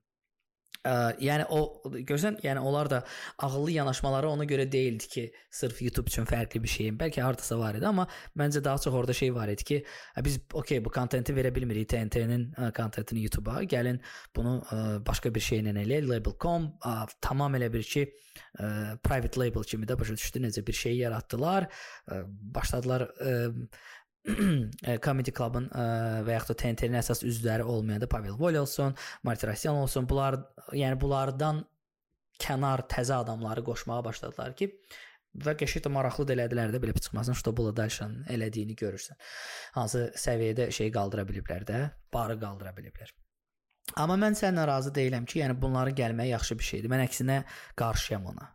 Mən hesab edirəm ki, ə, yəni həm jurnalistikanın, həm ə, media ə, sahənin belə deyək, daha demokratikləş demokratik demokratikləşməyi üçün ə, bizə ə, həvəskar şeylər lazımdır. Məsələn, elə həmin Yuri Dudonun adını çəkdin. Yuri Dudun bir dənə çıxışı var. Ə, Sergey Mezanın e, iştirak elədiyi National Contact e, verilişini tənqid eləyir və orada deyir ki, e, yəni əslində YouTube-a keyfiyyətli şey lazım deyil. Sən televiziya məntiqi ilə YouTube-a gəlməməlisən. Çünki sən televiziya məntiqi və televiziya keyfiyyəti, işıqlandırılması, televiziya production ilə gəlsən, uduzacaqsan, heç kimə maraqlı olmayacaq. Necə ki, məsələn, Sergey Mezanın elədiyini. Və həqiqətən də düzdür. Mən ə, Mezanı çoxdan izləyirəm. Mezinçevdən söhbət gedir Sergey Mezinçevdən. Yəni mən onun Seryoji mikrofonundan baxıram ona və çox ləzzət eləyir. Çox həvəskar formada tutaq ki, çəkilmiş bir şey. Bir kameradır, bir dənə dostudur, çəkir kameraya və ə, özüdür və çox maraqlı orada müsahibələr götürür və s. Bir dənə burada beləcə dayanaq, Krasmezinsovla bağlı şey sırf həvəskar deyilməsi də Daşı Ducun özündədir. Biz deyirik həvəskar, amma o artıq həvəskar deyil axı. O production axı kifayət qədər yüksək səviyyədədir. Sən özünlə Ducun verilişini aç, sırf iminlə video keyfiyyətinə deyək də, bitnessindən tutmuş bütün məsələlərə kimi. İducə baxaq, e, sonra bir dənə də nə Mesnı bir dənə Azərbaycandan hansısa başqa bir kanalı götürək. Hansı ki eyni tərzdədir şeydir, hansı intervyudur. Sırf mən keyfiyyətini, videonun keyfiyyətini deyirəm. Videonun keyfiyyəti fərqli deyil. İmini videodan danırsansa, gəl, gəl açaq Ducun birinci verilişlərini. Hə, birinci heç. Düzdür. Hə, səs problemlərinə baxaq. Dudino e, indi əfsanə olmuş Bezdarni fontuna baxaq. Düzdür? Yəni nə idi də o? bir dənə Bezdarın fon tapmışdı. Непонятно grunge backgroundda sonra əfsanə oldu da. Çünki onunla stil yaratdı Qaqaş. Amma başlayanda nə idi? Başlayanda çox belə banal bir şey idi də və sonradan inkişaf elətdirməyə başladı. Sonradan tutaq ki, o arası uçmağa başladı. Uçanda o kartaların, qrafikaların ora əlavə olunmağı, dronla çəkilişlər və s. və laxır. O sonradan yavaş-yavaş artırmağa başladılar. Məncə geri məncə geri qalmır. Yəni bizim ə, elə adamlar var ki, onların keyfiyyəti video keyfiyyətindən söhbət gedir, geri qalmır heç də. Sadəcə ə, ssenari və kontent o deyil. Mənim problemim kontentlədir əslində. Mənim problemim e, keyfiyyətlə bağlı deyil də. Məsələn, YouTube-un ən məşhur e, YouTuberi, belə deyək, content creatoru tutaq ki, PewDiePie-dir də, düzdür? Sən görmüsən onun videolarını keyfiyyətini? Heç nədir də, yəni milyonlarla baxışı var və bu ə, sadəcə şey məsələsi. Biz axtarırıq da keyfiyyəti. Sənin mənim kimi keyfiyyət ə, xəstələri də belə deyim, ə, axtarır onu ki, maraqlı olsun, səs yerində olsun, görüntü düzgün olsun, işıqlandırma yerində olsun, səliqəli istifadə olunsun. Biz çünki biraz estetik yanaşması ilə yanaşırıq. Amma ə, normal orta statistik adam üçün o ona qədər də fərqi olmur, çünki o keyfiyyətin fərqini hiss eləyə bilmir. Düzdür, çox böyük olanda keyfiyyət fərqi. Biri var ki, tutaq ki, telefona çəkib hər şey əsir. Biri də var ki, Sony Alpha-ya çəkib və yaxud da Alexa-ya çəkib. O aradakı fərqi onlar hiss eləmir. Onu başa salmaq istəyirəm. Məncə problem burada kontentin özündədir. Nə təqdim olunur? Bildin necə? Yəni ə, və ə, Azərbaycan YouTube-undakı sən, sən bayaq ə, yaxşı söz istifadə etdin, diversity-dədir. Yəni müxtəliflikdə. Azərbaycanda müxtəliflik azdır. Və mən o kanalları göstərəndə də o sadəcə onu göstərmək istirdim ki, ə, səliqəli və müxtəlif formatlardan söhbət gedir. Niş kanallarda hamısı. Ay sol, hə. Yəni o müxtəliflik də fərqlilik yaradır. Məsələn, sən tutaq ki, rus ə, ə, YouTube-unu açanda sən baxırsan ki, orada ə, hər cür mövzuya uyğun özünə kontent tapa bilərsən. Yəni istəyirsən ə, Russian, ə, Big Russian Boss-a baxa bilərsən, yəni belə absurd ə, komedi janrında istəsən tutaq ki, что было дальше baxa bilərsən, hardcore ə, komediyanı eləyən istəsən nə bilim açıb tutaq ki, ə, Poperechnoya baxa bilərsən. То есть bunların hamısı nəyə demək istəyirəm? Yəni o bir komediya janrında neçə dənə fərqli yanaşmalar var. Bizdə nədir? Bizdə hamı sadəcə şeydir də, yəni Əlixanla ə, e, Taleyin elədiyin müxtəlif versiyalardır, skeçlər. That's it. Yəni yanaşma yoxdur. Başa düşdün nə demək istəyirəm? E, və düzgün ə, e, rusların yaxşı sözü padaça yoxdur. Yəni təqdim eləmə yoxdur. Mənim problemim onunla bağlıdır. Yoxsa Keyfiyyət əlbəttə, yəni yenə deyirəm, sənə mənim üçün fərqi var. Biz ölürük onun üçün, bizim üçün o çox önəmli bir şeydir. Çünki estet yanaşması eləyirik. Amma nəticə itibarilə o işin 50% də deyil də, əsas iş kontentdədir. Yəni Ştobula Dalşının e, fişkası onda idi ki, onun kontenti maraqlı idi, yanaşması maraqlı idi. Yox, mənə prosta elə gəlir ki, mənə elə gəlir ki, biz deyirik çatışmır. Mənə elə gəlir ki, sən necə texniki tərəfi pis olduğuna görə onların onlar heç kontentə belə qulaq asmırlar. No, yəni ki, adi insanlar deyirəm. Mən nə görə deyirəm? Demirəm, burada baxırsan, ə, e, nə bilim, Vilsakoma baxdın, gördün ki, idealna kartinka, yəni ki, bilirsən necə? Yenə deyirəm, mən texniki tərəflərini yenə deyirəm. Səs yaxşıdır, hər şey yaxşıdır. lap olsun ingilis dilində nə isə baxdın ya da ki türk dilində nə isə baxdın, amma yaxşı bir kontentə baxdın da texniki tərəfdən. Kontentin özü heç maraqlı deyil. İ açırsan ki, mən hə, bu günləri nə bilim Royal'ın yeni videosu çıxıbdı. Açırsan ki, hə birdən keyfiyyət də pisdir və s. hələ kontent özü bəlkə də yaxşıdır, amma məsələn də keyfiyyət pisdir. İ burada bu dissonans yaranandan sonra ki, bəs mən nə edirəm? Gözümü ağrıdım belə bir şeyə baxın. Sən deyirsən ki, iki eyni kontentə fərqli keyfiyyətdə baxanda sənə təsir edir 100%. 100% dissonans yaranır hə, hə. Hə, mən onu nəzərdə tutmurdum ki, tutaq ki, məsəl üçün sən ə, product unboxing eləmək istəyirsən, tutaq ki, Visla.com kimi, amma onu götürüb telefonu belə ə, horizontal da yox, şaqili qoyub çəkirsən və başa düşülmür nə edirsən orada. Əlbəttə ki, keyfiyyət fərqi olacaq və əlbəttə ki, cəmaata daha maraqlı gələcək ki, zoom in olunmuş, yuxarıdan çəkilən texniki tərəfləri. Texniki tərəfləri olacaq. Amma sənə bir şey deyim, Texnot ə, pis iş görmür. Fərid Pərdəşşünası bilmirəm tanıyırsan ya yox. O ə, sırf texnoloji ə, məhsullarla bağlı eləyir. Yəni ə, pis ə, studiyaya görürsən ki, yəni xərc çəkiblər, çəkilişə xərc çəkiblər. Yəni ə, iş görməyə çalışırlar. Yavaş-yavaş yəqin ki olacaq və sən başa düşürəm nə deyirsən. Texniki tərəflərdə çox axsayır. Bir də bir məsələ var ki, biz Rusiya ilə özümüzü niyə müqayisə edə bilmirik? Rusiyada kadr çoxdur. Yəni işıqçı desən minlərlə işıqçı var. Nə bilim, ə, kamera çəkiliş ə, üçün ə, videoqraflar desən, ə, nə milyonlardan videoqraf var da, düzdür? Azərbaycanda yoxdur axı. Mən Azərbaycanda tutaq ki, əyri xətt eləyəndə mənim ən böyük problemlərimdən biri odur ki, mən məsuliyyətli, ə, öz işini yaxşı bacaran ə, montajyor tapa bilmirdim Videoqraf ikinci dopanitelini tapa bilmirdim. Başa düşdün necə? Studiyanı vaxtı-vaxtında qapısını açıb qonağı qarşılayıb, e, qonağı otusdurub, qonağın qabağına bir bir stəkan çay, bir su qoya biləcək təşkilatçı tapa bilmirdim. Başa bilmirəm nə demək istəyirəm. Bizdə kadr çatışmazlığı var. Bu tək ə, YouTube ilə bağlı deyil də, hər yerdə var. Yəni film sayəsində də, musiqi sayəsində də bunu özün yaxşı bilirsən ki, yəni hər yerdə biz o çatışmazlıqlar var. Niyə? Çünki eynilik var. Hamı eyni ol bir, bir işi görmək istəyir. Yəni Azərbaycanda baxsan ki, bir nəfər dönər açırsa, hamı dönərxana açır. Üstü çayxana, altı moyka, yəni şablon sözdür də, amma o niyə yaranıb? Ona görə ki, hamı onu eləmək istəyir. Fərqli eləmək istəyənlər çox azdır. Çünki insanlar qorxur, insanlar biraz maddi tərəfdən ə, daha rahat və az riskli olan şeylərə getmək istəyir.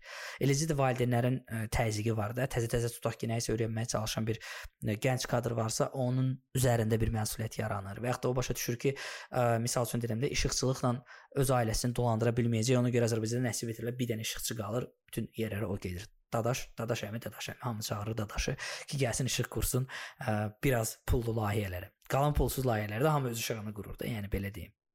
Yəni bu bu bu cür şeylər ə, məncə biraz pul ə, məsələsinə bağlı olan şeylərdir. Yəni pul yarandıqca yəqin ki o kadrlar da əmələ gələcək, ə, o tələb təklifi yaradır söhbəti də. Kısaca pul demişkən, mənim как раз именно dizaynerlarla bağlı, sırf Azərbaycan dizaynerları ilə bağlı bu bir dənə interesli məsələ var, case var. Dedim, sən Azərbaycan bazarı ilə də tanışsan, çünki mən belə başa düşürəm ki, sənin öz acemi şirkətin də var da, Şamansını öz agentliyinizdir. Bu yaxınlarda portfolio baxırdım, xoşuma gəldi. В основном местный klientlərdir, amma ki çox əladır, böyük yüksək keyfiyyətdə, yəni ki. Hə, çox sağ ol. Реально круто, то есть очень красиво. Mən nəyi soruşasaydım? Məndə bir dənə ideya var idi. İdeya deyəndə Moskvadan irəli gəlir. Mən Moskva bilmirəm, axırıncı səfər Moskvada nə vaxt olmusan və dinləyicilərimiz nə vaxt olubdu. Moskvanın mərkəzi və metrosu indi ideal şeydir. Yəni ki, doğrudan da çox gözəl bir şeydir. Çöldə dizayn koddur hər yerdə. Metroya girirsən, metroda ideal nə, nə bilim, həmin Lebedevin şeyləridir. Nədir onun adı? Naviqasiyasıdır. Mən Bakıda naviqasiya eləmək istirdim. Sırf metroda. Mən özüm vəbşə e, public transportu xoşlayan bir insanam. Mən indiyənə kimi maşınım yoxdur, indiyənə kimi pravam da heç yoxdur.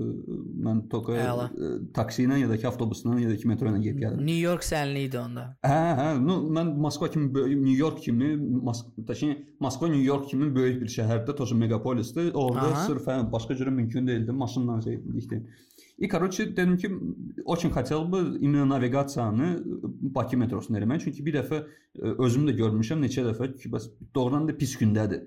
Sırf dizayn demirəm, hə, dizayn hələ bir qırağa qoyuram. Sırf naviqasiya özü doğrudan da pis gündədir. Yəni ki, ora stelka yoxdur, bura şey yoxdur, o kimi hər şey. İ mən deyirəm ki, yox, mən bunu özüm eləyəcəm.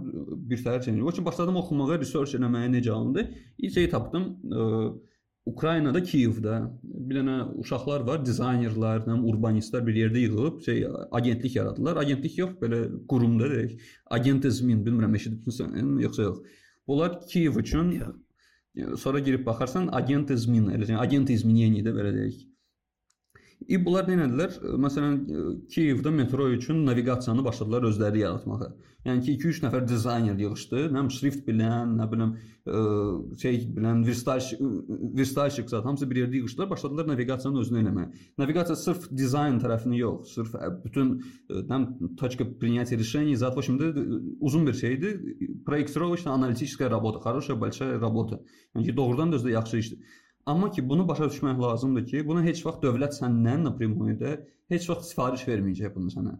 Yəni ki, sən bunu özün eləməlisən, yəni ki, belə deyək də pulsuz eləməlisən, göstərməlisən ki, bəs bax ay dövlət, biz belə bir şey eləmişik. Не факт то, что это они купят у тебя. Amma ki, yəni ki, bir ты выполнил свой долг, как-то помог своему городу, mol ki, bəs hə, hə, belə qəşəng sosial bir bir proyekt yaratmışam da. Entuziast yanaşmada. Ay, sən entuziast. İ sən necə Mən insan tapa bilmədim ki, mənə mənim üçün belə sırf heç olmasa eskiz düzəltsin də, şey verstayşikinin demirəm, mənim üçün şrift çəksin. Amma heç mən də elə bir dizayner tapa bilmədim. Məndə belə sadəcə dissonans yaranır ki, bilirsən necə? E, deyir ki, pulsuzdur deyən ona görə də, yəni ki, mən öz vaxtımı ona itirmək istəmirəm. Onda belə alınır ki, yəni ki, sən onsuz da iş vaxtı ə, sənə nəsə bir tapşırıq gələndə, art direktordan və yaxud nə brief gələndə ki, bəs sən bunu görməlisən, sən onsuz da ə, proyekt proyekt pulu almırsan da, sən bir şey kimi maaş kimi alırsan, aylıq fiks maaşın var, nə 800 manat. Sən onu alırsan və bir ayda ola bilər 1000 dənə proyektin üzərində işləyəcəksən, ola bilər ki, 2 dənə proyektin üzərində. И sənə təsəvvür elə ki, bir dənəsi də gəlir. Düzdür, sən bunu işdə görmürsən, evdə görürsən də bu işi. В чем проблема сделать это? Вот mən mənə bilirsən necə bu çatmır ki, İ sonra mən başa düşdüm ki, bu ideya ilə şeyləri dizaynerları yox, bu ideya ilə şirkətin rəhbərlərini gedib demək lazımdır ki, вот есть такой проект, давай сделаем его. Вот на самом деле, и düzdür, я одних ребят нашел, но они тоже все равно так себе работают. Bilirsən necə? Они опять-таки başa düşə bilmirlər ki, зачем им это. Ki, hə 2 ay придется хорошенько поработать там по вечерам, желательно по вечерам, потому что там все работают на других работах, а урбанисты все такое. Bizdə aktivistlər hələ də pul qazana bilmirlər. В отличие от Запада, наши активисты в целом не умеют еще зарабатывать. У нас нет грантов. Если там есть гранты, там на Западе, то у нас нет этих грантов, поэтому активист вообще özün başqa əsas işi olur adətən də. E sən deyirsən ki, bəs gəlin bunu eləyək, 2 ay işləyək. İmam bundan sonra marketoloq kimi, PR kimi buna elə böyük bomba formaya salacam ki, sabahçı günü səndən ucu metro yox, nə bilim, bulvar gəlib deyəcək ki, gəl sən məndə pullu ucu naviqasiyanı elə, şey olacaq. Hər şey yerində olacaq. Eləcə nə bilim, hansısa bir ə, adi bir kommersiya şirkəti gələcək ki, nə biz targov sentr tikirik, gəl orada naviqasiyanı. No, Siravını mən yenə deyirəm, bəlkə məndən asılıdır. Mən biraz э, insanları уговаривать eləyə bilmirəm. Но с этим я сомневаюсь на самом деле. Это işdəki problem olmur. Как так получается то, что их я не могу уговорить, а burada milyonluq kontrakты keçən satıram heç bir problem yoxdur. Почему-то bilirsən necə mənə bu belə çatmır ki, почему люди не хотят вот энтузиазмом заниматься, тем более для города. В чем проблема наших dizaynerов в этой Bu işdə məşğul olan adamlar əslində yəni ə, tapmaq olar. Birincisi hər şeydən əvvəl düz deyirsən, ə, yəni əlaqə məsələsidir. Ola bilər ki, sən entuziast yanaşırsan ona. Bu sənin fikrindir də, sənin ideyandır. Kimsə ona yanaşmır 100%. Hamı eyni fikirlə yanaşa bilmir də. Hansısa bir layihəyə hə, eyni həvəslə yanaşa bilmir. Ə, Timbol Azərbaycandakı, yəni ə, tutaq ki, götürsək ki, 50 dənə öz işini yaxşı bacaran dizayner var və sən onların cəmi onuna müraciət eləmisən, ehtimalla götürsək də və onun tutaq ki, nə bilim, üçünün hardasa həvəsi var, ikisinin də işi çıxır. Biri də sənə söz verir, sonra eləmir. Vəsə, bundan da qutardı yəni söhbət. Ona görə əlbəttə ki, alınmayacaq. Yəni necəsə o ə, ulduzları barışdırmaq lazımdır da hər şeydən əvvəl ki, səndə o ə, layihəni eləmək alınsın, o entuziazmı, o həvəsi başqa dizaynerlərdə də yarada biləsən. Ə, bundan da əlavə bir şey də nəzərə saxlamaq lazımdır ki, sənin danışdığın artıq industrial design gedir də. Yəni bu elə belə dizayn deyil. Bunu cəmaət oxuyur, 4 illərlə, 5 illərlə, yəni hansısa bir təcrübələr keçir ki, onu eləyə bilsin.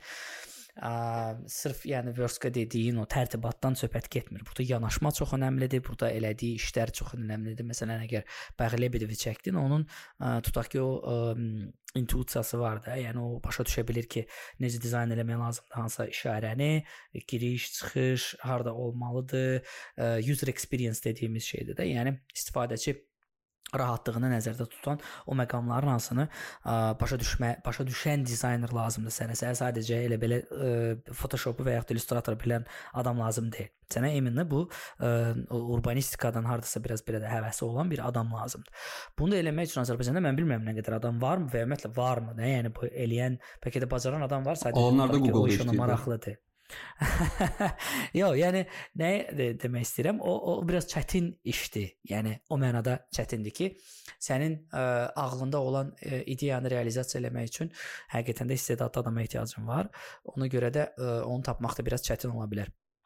Digər tərəfdən, məsələn, ə, bizim dizayner arasında həvəs həvəslə nəsə eləməyə çalışan adamlar çoxdur, onu deyim. Yəni pulsuz ə, hansısa naziriyyə loqo eləyənlər, hansısa tutaq ki, bir ə, mağazamı deyim, ə, kitab mağazası olsun, ona loqo və brendinq eləməyə çalışanlar, ə, yəni bu işdən ə, kifayət qədər ə, ciddi məşğul olan adamlar da var. Ə, metro məsələn naviqasiyası dedin. Metroda mənim tanıdığım Ramin Həsənizadə var. Çox gözəl və ə, istedadlı dizaynerdir. Uzun müddət Moskvada işləyib, o da Moskvada yaşayıb. Ə, axırıncı dəfə mən bildiyim metroda idi və ə, metro üçün çox qəşəng işlər görürlər. Metronun təzə brendinqi, ondan sonra təzə ə, işarələrin zadını yerləşdirilməyi və s. mən onunla danışanda ə, məsələn, ə, yəni Facebook üzərindən yazışanda da belə deyim. Məsələn, o da ə, danışırdı ki, Çətinliklər sırf dizaynla bağlı deyil ki, biz dizayn eləmək istəmirik, yenilik eləmək istəmirik. Çətinliklərin bir tərəfi də ondan ibarət ki, çoxlu bürokratik əngəllər var. Başa düşdün necə? Yəni binanın arxitektur ə, ə, arxitekturası tutaq ki, dövlət qoruğu sayılır. Dövlət qoruğundan almaq üçün sən getməlisən, hansısa dəyişiklik eləmək üçün falan yerə getməlisən.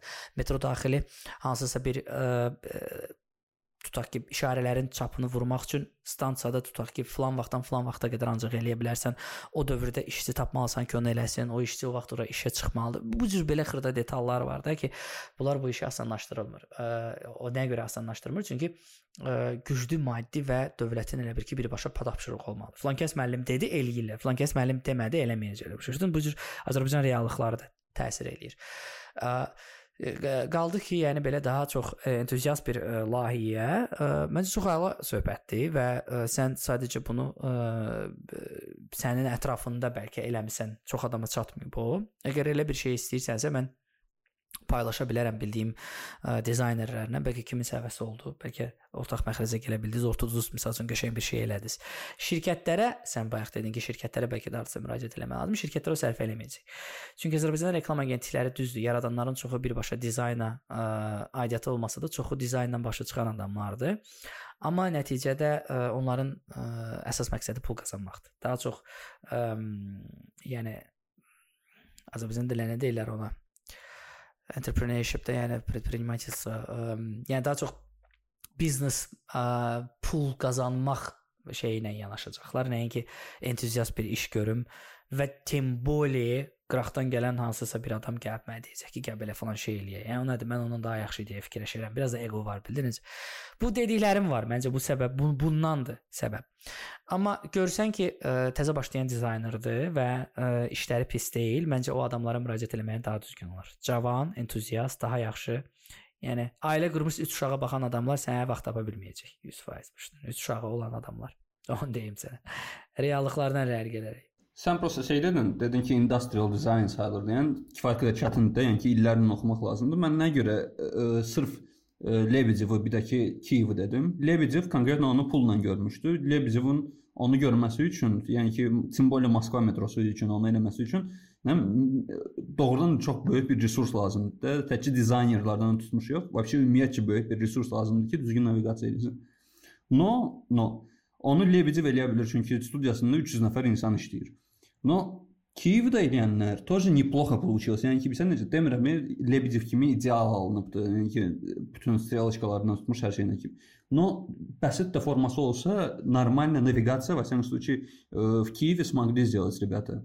Yəni pis də deyil. Очень даже неплохо. Mən ona görə söylədim ki, sırf orada entuziastlar olsa da olar. Yəni ki, не обязательно, чтобы şey böyük bir ə, e, dizayner gəlsin, idi, böyük bir industrial dizayner gəlsin. Hə, ki, ya da məsələn tutaq ki, hə, metronu olmaya da bilər də. Tutaq metronun dizaynını götürmə. Tutaq ki, metro ağırdır. Götürüb tutaq ki, Azərbaycanda küçə ə, adlarının ə, vurulan ə, tablolar var. O tabloların dizaynını fikirləş. Gör necə alınır. Maraqlı bir şey təklif elə, düzdür? Yəni bunu da eləyə bilərsən də və yaxud da olmaya bilər. Ola bilər tutaq ki, ə, hansısa maraqlı bir ə, dayanacaq dizaynı düşünə bilərsən. Düzdür?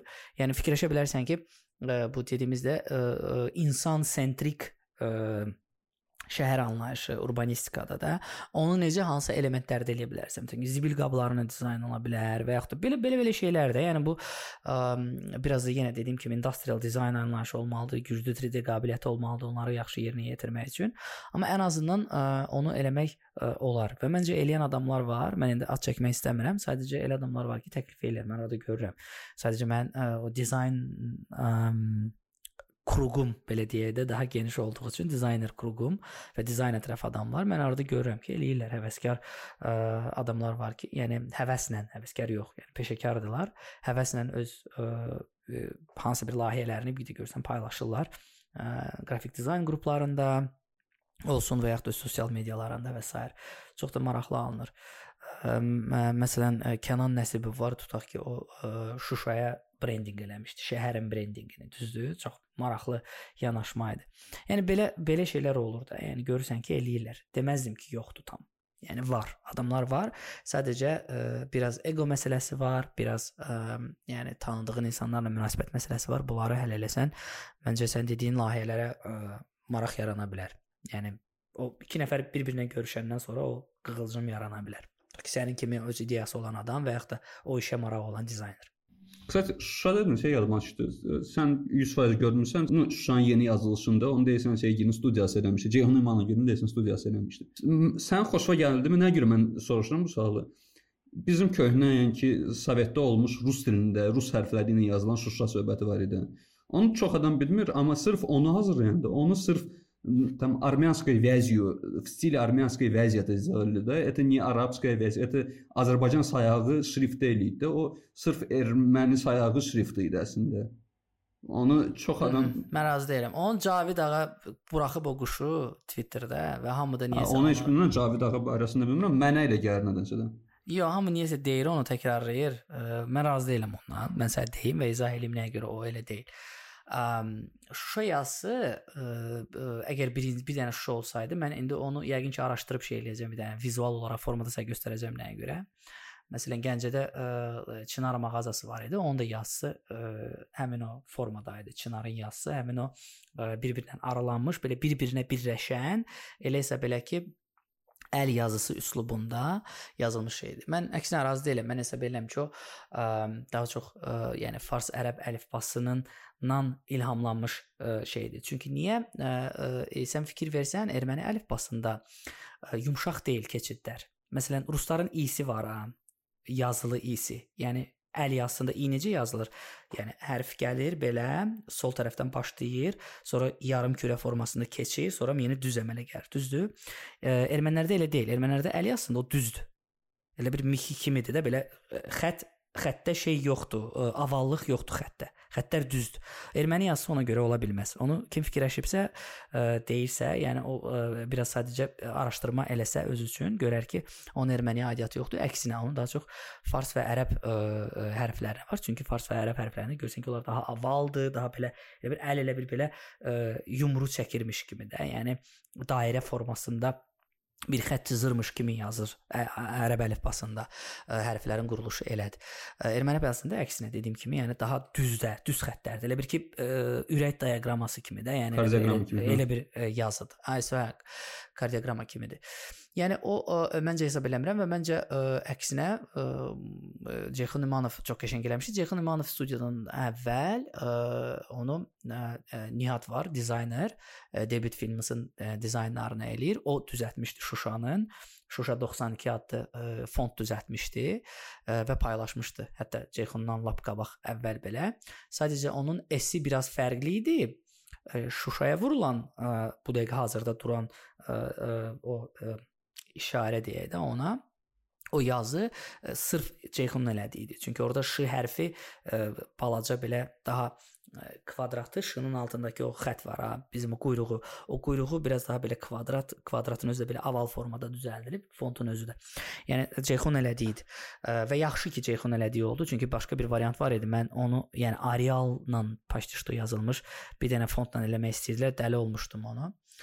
Sonra ona görə mən DM-də zədə söhbətə çağırmışdılar ki, xeyr ola söyürsən bizim düzəltdiyimiz fontu zadı. Yəni ə, Azərbaycan reallıqları. Nəysə, yəni söhbət onda deyil. Ə, mən bəyənirəm və məncə onun erməni şriftinə aidiyyatı yoxdur ə, və ə, əksinə hesab edirəm ki, o ə, lap erməni şriftindən olsaydısa belə o Şuşa yazısının artıq o qədər simvola çevrilmişdi ki, Şuşa deyəndə insanların ağlına o yazı gəlir və o yazı gəlirsə avtomatik olaraq onu davam eləmək lazımdır. Yəni ona ə, belə deyim, ə, ilişmək lazım deyil ki, o erməni hərfini kiməsə xatırladır ya yox və hamının ürəyi rahat olsun deyə deyirəm. Bu işdən başı çıxan adam kimi deyirəm Onun erməni hərflərinə aidiyyatı yoxdur. Hı, aydındır как раз Xaypanyonda bizdə elə alındı ki, işte Qarabağla söhbət gedirsə, deməli sən xayb tutursan da belə çıxmasın da, yəni ki, bizim üçün mühüm sabitə idi axı. Ona görə istərsəməz, если кто-то использует. Mühüm nədir? Tarixi, tarixi bizim hə. həyatımızın bəlkə də ən böyük ə, tarixi hadisəsini yaşayırıq. Əlbəttə, o ən tarixi dövrünü yaşayırıq. Və ondan niyə danışmayaq da? Yəni özümüzü niyə kompleks salaq? Как раз o şeydən imенно sırf sənə aid mən o vaxtı görmüşdüm 8 noyabrdan sonra Xarı bülbül məsələsi. Sən deyirdin ki, nə plagiatsiyat söhbəti. Kim вообще тебе не нравится Xarı bülbülün şeyi? Yəni ki, sən mənə bir bir çaynika, adi bir insana, который nə ruslar demişkən nasмотренности yoxdur da. Yəni ki, ə, sabahlarım desə ki, bu yaxşıdır, bu pisdir, mən onu объяснить eləyə bilməyəcəm. Sən deyə bilərsən nəyə görə o qədər də yaxşı bir ideya deyil? Mən elə başa düşdüm ki, sən tweetlərindən sırf onun görünüşü o qədər də yaxşı deyil. Belə bir məsələ var da.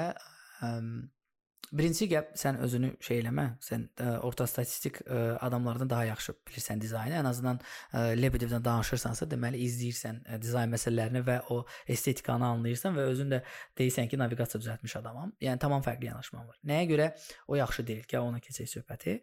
Ə, Xarı bülbül çox əla simvoldur. Mənim problemim simvolda deyil. Simvolun ə, realizasiyasındadır. Yəni necə tərtibat, dizayn hə, hazırlanması. Mən mən də sırf realizasiya hə. maraqlıdır. Hə. Yəni ə, nəyə görə o yaxşı deyil? Çünki o ə, ə, ən belə tam açıq danışıram səndən. O düzgün hazırlanmayanda vaginaya oxşuyur. Başa düşdün necə? Anatomik bir ə, şeyi xatırladır. Sən də onu vaginaya oxşatmamaq üçün çox yaxşı dizayn eləməlisən. Çox realistik eləyəndə o oxşuyur ə, rəsm əsərinə ə, çox ə, abstrakt eləyəndə də dediyim kimi, ə, yəni ə, o indi hamının nişan kimi sinəsinə vurduğu bir şey alınır.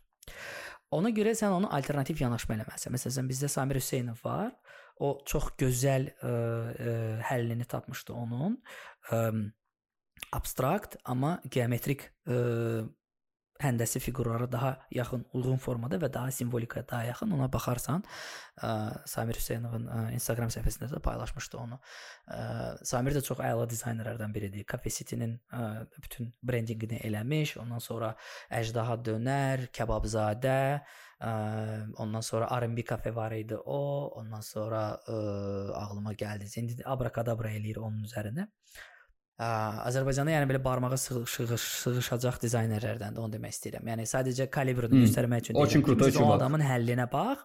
Aysə ol. O, o adamın həllinə baxanda görürsən ki, o necə ə, qəşəng bir həll yol tapıb da. Yəni xarı bülbüldür, başa düşürsən ki, xarı bülbüldür.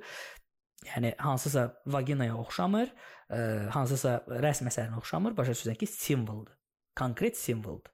Yəni ə, xarı bülbülü xatırladan dizayn elementidir. Bunu ə, e, problem onda idi. Mənim problemim onda idi ki, yəni götürüb ə, e, Photoshop-a atıb həmin o çiçəyi ə, e, konturlarını çəkib ə, rəng verməklə bitmir iş. Buna düzəməlli həll yolu lazımdır. Mənim problemim o idi. Yəni ə, realizasiyasında idi problem və bilmirəm indi izah eləyə bildim ya yox, niyə bəyənmirəm. Ə, konkretləşdirsək, daha anatomik, daha ə, yəni dizayn, qrafik ə, çözümü tapılmamış, ə, yaxşı həll olunmamışdı deyə o ə, dizaynı bəyənmirdim və nəyə görə ə, orada plagiat söhbəti var idi. Düzdür, sonradan başa düşdüm ki, əslində hamı götürüb onu eləyir. Ə, o ə, ə, xüsusi perspektivdən baxanda ə, prizmadan baxanda o quşa oxşuyur da, yəni o xarı bülbülə oxşuyur. Hə, onun başqa tərəfdən baxanda tam başqa cür görünür də. Yəni düz baxanda ümumiyyətlə başqa bir qəribə bir şey alınır. O prizmadan ə, dizayn olunmuşdu. Ə, deyəsən ə, Olive agentliyinin dizayneri idi, ə, eləmişdi və daha əvvəl eləmişdi onu. Sonradan rəng korreksiyasından söhbət gedir. Ona qədər belə oxşadığına görə mən demişdim ki, bu ümumiyyətlə plagiatdır da götürüb oğurlayıblar bunu. Niyə oxşayır bir-birinə? Sonradan başa düşdüm ki, əslində yoxdur, hə? yəni Xarı bülbülün milyon dənə fotosu var, hamısı da eyni tərəfdən çəkilib, sadəcə eyni fotonu ikisi də istifadə edib deyə məndə o şeyi yaratmışdı və bir də o tərəfi var idi. Sən məndən sən bilmirsən, bəlkə bilərsən sən 100%. Ə, bizdə Azərbaycandakı banknotların dizayneri kimdir? Bax o, o dizayndır. Bilmirəm, mən onu sonradan gördüm əslində. 5 manatlıq yoxsa 5 manatlığın üstündə idi, 1 manatdan 5 manat. Bir dəqiqə, dəqiqə, dəqiqə. Söhbət təzə dizaynından gedir yoxsa köhnə dizaynından gedir? Köhnə, köhnə. Köhnəni bizimkilər eləməyib ümumiyyətlə. Köhnəni ə, Avropa, Evronu eləyən ə, rəssam eləyib. Ay sağ kim eləyibdisə, bax 5 manatlıqda sırf həmin o xarı bülbül, o indiki biz bildiyimiz ofitsial xarı bülbülü var ha. Bax sırf odur. Aha. Onu götür qoy ekranın üstünə görəcəksən ki, prosta içərisindəki şeyləri rəhnələnibdir. Mən onu sonradan gördüm, sonradan fikir verdim. Hə, hə, 20 ilin üstündədir. Evet, mən də burada gördüm. 20-likdədir. İçəridə özdə. Hə, hətta şey tərəfinə o ə, qalxan olan tərəfə bax bir dənə. Görəcəksən sol tərəfdə. Bax görsən bax bu bu ə, rəsm əsəridir də, başa düşdün? Burada illüstrasiyadır. Başa düşdün necə? Bunu sən simvol eləyə bilməzsən. Yəni bu bu simvol ola bilməz də, çünki bu illüstrasiyadır. Bu elə bir ki, ə, botanika ə, şeyin, botanika yox, ə, biologiya kitabının ə, illüstrasiyasıdır. Başa düşdün necə? Sən bunu e, e, simvol kimi təqdim edə bilməzsən. Düzgün deyil. Bunu belə ə, yəni simvol kimi eləmək. Onu daha abstraktlaşdırmalısan, daha həndəsi ə, ə, belə deyim, ə, o golden ratio deyirlər də, ona yaxınlaşdırmalısan ki, o gözə də xoş gəlsin. Ümumiyyətcə mənə nədənsə də elə gəlir ki, bu təkcə bizdə deyil, bu ümumiyyətcə bütün postsovet ölkələrində problem var. Sovetski Soyuzunun özündə belə yaxşı qrafika, yaxşı dizayn nə bilim 20-ci, 30-cu əsrlər, 30-cu illərdə idi də. Ondan sonra nə bilim 60-cı, 70-ci illər zastoy idi vəbşə, onda apartullah idi hər şey. İ, sırf onun naslediyasıdakı gəlib çıxıb da Azərbaycana, Sovet ölkəsi olmuşuq da. Sovet Sovet dizaynı bilsən nə idi? Sovet dizaynı propaganda dizaynı idi. Və Əslində o dövrün suprematik suprematistləri olsun, ondan sonra o, o dövrün e, minimalistik və brutal brutalizm olsun. E, bunların hamısı da biraz belə internasionalist adamlar idi. Daha sol düşüncəyə yaxın olan adamlar və rahatlıqla o şeyi düzəldə bilirdilər, amma sən baxsan görərsən ki, Sovet dizaynı başdan ayağa propaganda. O heç də. hə. Ayrı heç O deyil. heç. hə. Yəni dizaynların, hə, yəni istər interyer dizaynlarında olsun, istər ə, arxitekturası olsun, daha brutal, belə insanın ülviliyini, insan ə, insanın ə, überhuman da, yəni ki, o, o insanın elə bir ki, əsas dünya mərkəzi olduğunu göstərən illüstrasiyalar, yəni o ə, Moskvada yaşamısan özün bilirsən, məsələn, orada Sovet arxitekturası hələ də qalır da, yəni ən çox da elə orada qalır. Orada görürsən də binalar var, qalxır neçənci mərtəbəyə qədər. Məsələn, baxsan 70 mərtəbəli bina Stalinkalar düzəldiblər, o vaxt. hamısı. hə. Hə, yəni mən hələ şeydən danışıram, tutaq ki, dövlət binaları zadı var ha. Yəni əzəmətliyi, brutallığı, o ə, beton şeylərdən istifadə eləməkləri, onun necəsə çox maraqlıdır əslində o ə, o dövrün ə, mənim ən xoşuma gələn məktəbi Bauhaus məktəbidir. Yəni bir dizayn ə, məktəbi olaraq ə, onlar çox ləzzət eləyir mənə. Onlar həm ə, yəni interyer dizaynı, arxitektura, mebel dizaynı, qrafik dizayn bu sahədə çevriliş eləmiş adamlardır. Yəni indi minimalizmə qaçır ya adamlar. Sən təsəvvür elə bu adamlar onu 1915, 1920, 1930-cu illərdə eləmək nə demək? Hə, mən nə gətirirdim? Dosto biz ə, Sovetdən çıxmış bir ölkəyik. И ə, mənə elə gəlir ki, sırf ona görə problemlər var. Yəni ki, sən dizaynda ümumiyyətcə problemlər deyəndə даже bilmirəm как правильно сказать. У нас проблема, ну, mənə elə gəlir ki, ə, nasional bir identik yoxdur imенно vizuallıqda. Yəni ki, var əslində, amma ki biz onu heç harda görə bilmirik. Nə şriftlarda görürük, heçarda, nə nə bilim. Çünki məktəb lazımdır ona. Məsələn, izah eləyim onu. Məsələn, bizdə ə, milli element deyəndə hamı butanı soxuşdurur. Daha sonra yığılmışıq da boğaza. Buta nə vaxt millidir ki? Belə çıxmasın da. O Ərəbistanda başqa, da var o buta. Başqa bir sual da odur ki, buta nə vaxtdan sırf Azərbaycanın ə, simvolu olub da. Yəni bu bu mənim Azərbaycan simvolları arasında birini qoyub birinə gedirəm. Ki birinci onu başa salım ki, niyə bizdə o yoxdur? O ə, ə, əslində mən bir arxitektorla ə, mənim ə, podkastım olmalı idi. Sadəcə son momentdə o Azərbaycanlılığına saldı, alınmadı. Başqa birində arxitektorla danışacağam. O sualını verəcəm. Azərbaycan arxitektura üslubu. Ə, bu haqqda söhbət eləyəcəm ondan. Məsələn, mən onu araşdıranda özüm üçün gördüm ki, Azərbaycanda arxitektura üslubu ə, çox qəliz və ə, çox qısa müddətdə müəyyən bir fərqli-fərqli etapları keçmiş bir ə, arxitektura üslubu var da. Məsələn, Bakını götürsək adicə, tutaq ki, İsmailiyyə binası var, ə, Avropadan gətirilmiş adamların indi Milli Akademiya, Azərbaycan Elmlər Akademiyasının binasıdır əsas. Yəni o tutaq ki, o gotik üslubda, tutaq ki, Alman ə, Alman arxitektorunun, Alman və Polyak olmalıdır deyəsən arxitektorlarının yaratdığı bir şeydir. Ondan sonra şəhərin bütün o mərkəz milyoner binaları hamısını onsuz da Polyaklarla hə. Almanlar tikibdi o. Tək o deyil, məsələn, onun özü də qarışdırıb. Elə adamlar var ki, məsələn, ə, deyəsən Musa Nağıyevin ə, ev evində binalarından birində onun orada məsələn həm şərqi üslubu var, həm qərbi üslubu var. İndi detalları daha yaxşı arxitektor izah edə bilər. Nə isə söhbəti çox uzatmayım. Demək istədiyim odur ki, o məktəb ə, Azərbaycanda Sovet dövründə əslində yaranmışdı. Ə, var idi bizdə. Yəni Sovet arxitekturası ilə Şərq arxitekturasının, yəni Azərbaycanda ən çox nə idi? Azərbaycanda ən çox məscidlər idi, Azərbaycanda ən çox karvansaraylar idi və saraylar idi. Yəni ə, şah sarayları filan fəsbə keçir. Yəni Azərbaycanda birə e, insanların özünə ev tikməyi o qədər də ə, yayılmış bir praktika deyildi də. Yəni necə ki orada o müəyyən 40, 50, 60-cı illərdə Azərbaycanda Azərbaycan arxitekturası yaranmışdısa, eləcə də ə, dizaynda bizə o məktəb lazımdır. Azərbaycan dizaynında o ə, qrafik dizayn məktəbi yaranmalıdır ki, bizim o üslub olsun. Məsələn, necə ki, Polşa dizayn məktəbi deyəndə bizim ağlımıza da qəşəng posterlər, qrafik tutaq ki, fontlarla həll olunmuş tipoqrafik çözümlər və s. gəlirsə, eləcə də Azərbaycanda yəni o olmalıdır və onun olmaq üçün də dediyim kimi məktəb olmalıdır, ə, hərəkat olmalıdır, dizaynerlərin qruplaşması məktəb deyəndə biz nəyi nəzərdə tuturuq? İnstitut olmalıdır. Yəni ki, institut yox, oxumaq yox, demirəm, mən yox, şey yox. deyirəm, tədqiqatlar şeyini deyirəm. Yoxsa nə olmalıdır? Yox, e, bu məktəb deyəndə mən nəyi nəzərdə tuturam? Məktəb deyəndə mən qətiyyən hansısa bir təşkilatı nəzərdə tutmuram. Mən məktəb deyəndə ə, nəzərdə tutduğum daha çox ə, ə, yəni tutaq ki, Bauhaus məktəbi sırf bir bir bir bir binaya bağlı olan bir şey deyil də. Bu elə bir ki bir nəfərin, bir neçə nəfərin bir yerdə oturub düşündüyü bir üslubdur da, düzdür? Tutaq ki, bu yaratdığı ə, bir nümunədir, bir hərəkatdır, bir cərəyandır, bir ə, stildir də belə deyək. Məktəbi o mənada nəzərdə tuturam. Yəni ümumi bir stil, ümumi bir ə, məktəb. Tutaq ki, nə bilim, Azərbaycan 90-cı illərin dizayn məktəbi. Tutaq ki, o dizayn məktəbinin də ənənələri bulardı, bulardı, bulardı. Həmin o elementlər tutaq ki, fontdan, filan fontlardan istifadə edirlər, ə, filan şeylərdən istifadə edirlər. Öz ə, kredosu olan ə, bir məktəb. Yəni ə, hərəkat. Belə. Onu nəzərdə tuturam. Bu olmalıdır. İkinci məsələ ə, nəyi deyəcəydim? İkinci nəyi nəyə toxunacaqdım? Sən nümunə gətirdin nəyisə. Ya protoşda hə milli identika, identika iminə yoxdur. Sən şeylərdən arxitektorlardan danışdın. Buta məsələsi. Mən simvol. simvolu.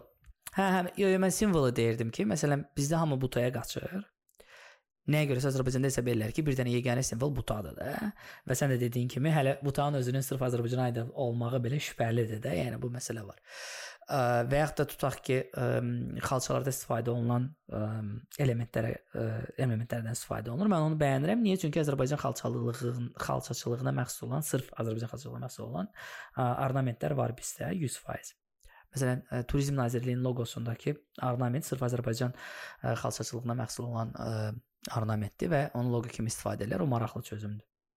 Amma mənim üçün Azərbaycan deyəndə Azərbaycan simvolu deyəndə 8 güşəli ulduz gəlir. 8 güşəli ulduz qədər Azərbaycana aid olan həm bayraqda, həm gerbdə, həm birbaşa Azərbaycanı xatırladan ikinci bir şey yoxdur. Mən hesab edirəm və mən hesab edirəm ki, Azərbaycanda çox az istifadə olunub. Son dövrlər düzdür.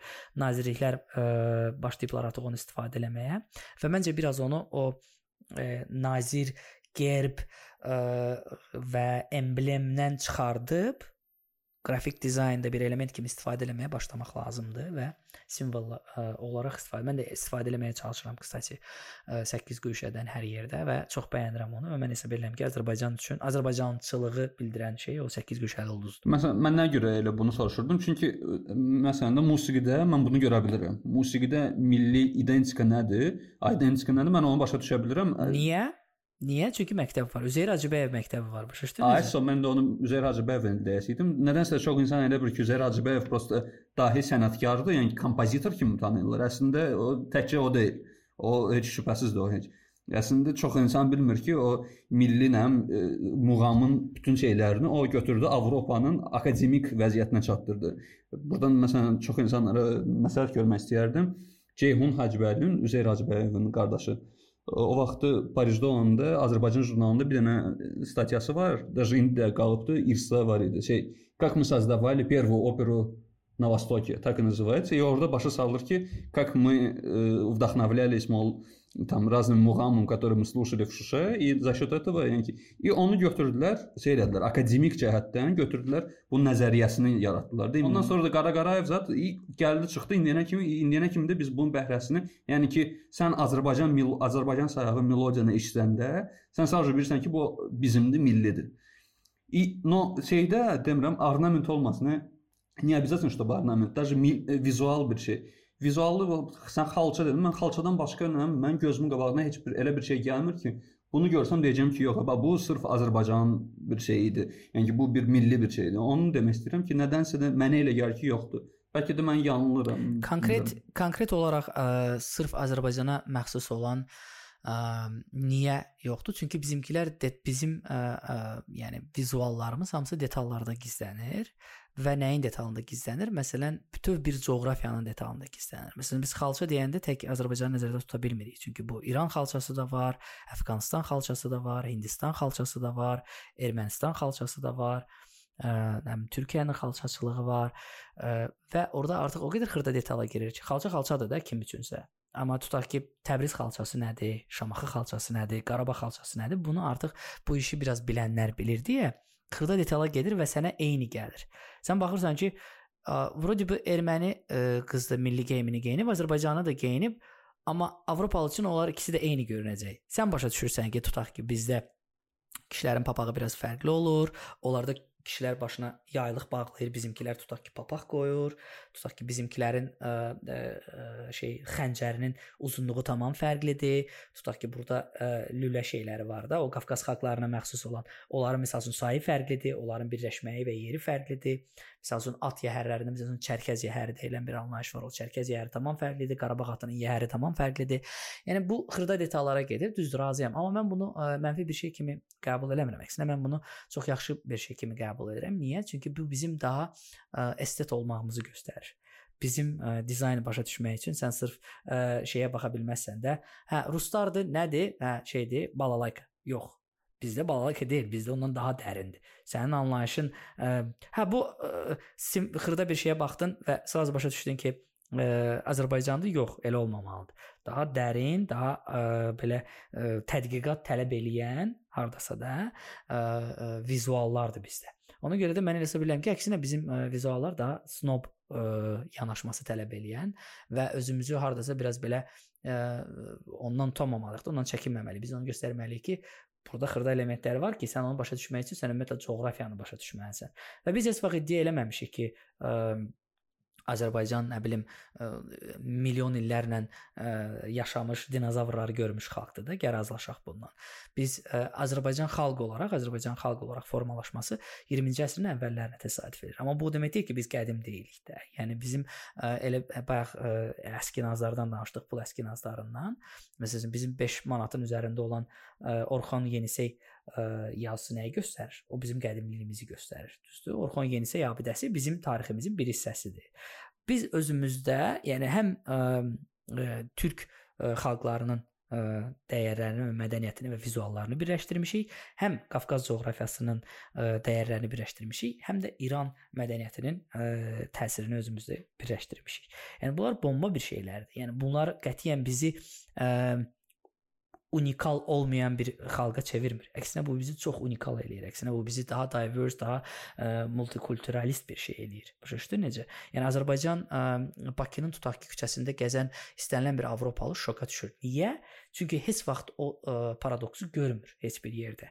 Bir tərəfdə görür ki, ə, ə, Avropanın Misal üçün deyirəm də orta əsrlərinə aid ə, hansısa bir binalar var. O bir tərəfdə görür ki, nə bilim, ə, ə, müsəlman mədəniyyətinə aid olan bir binalar var. O bir tərəfdə görür ki, hə, bu bir tərəfdən də Qoşaqala qapısını görür, hə. Qoşaqala qapısını görür. O tərəfdən görür ki, Sovet ə, urbanistikasına aid olan şeylər var. Bu tərəfdən Flame Towers-ı görür. Zaxa Hadidin əsərinin Azərbaycanda olmağı. Yəni o binanın qiyməti var ha. O Azərbaycan Heydər Əliyev mərkəzi var. O Heydər Əliyev mərkəzinin binasının qiyməti, yəni qiyməti yoxdur. Sənə bunu deyim. Zaxa Xadi ölüb və artıq elə bir bina düzəltməyəcək və o onun ən məşhur binasıdır və o bina Bakıdadır. Azərbaycanın milli sərvətlərindən birinə sayılmalıdır. Mən sənə onu deyim, dizayn sayəsində. Və onu görür.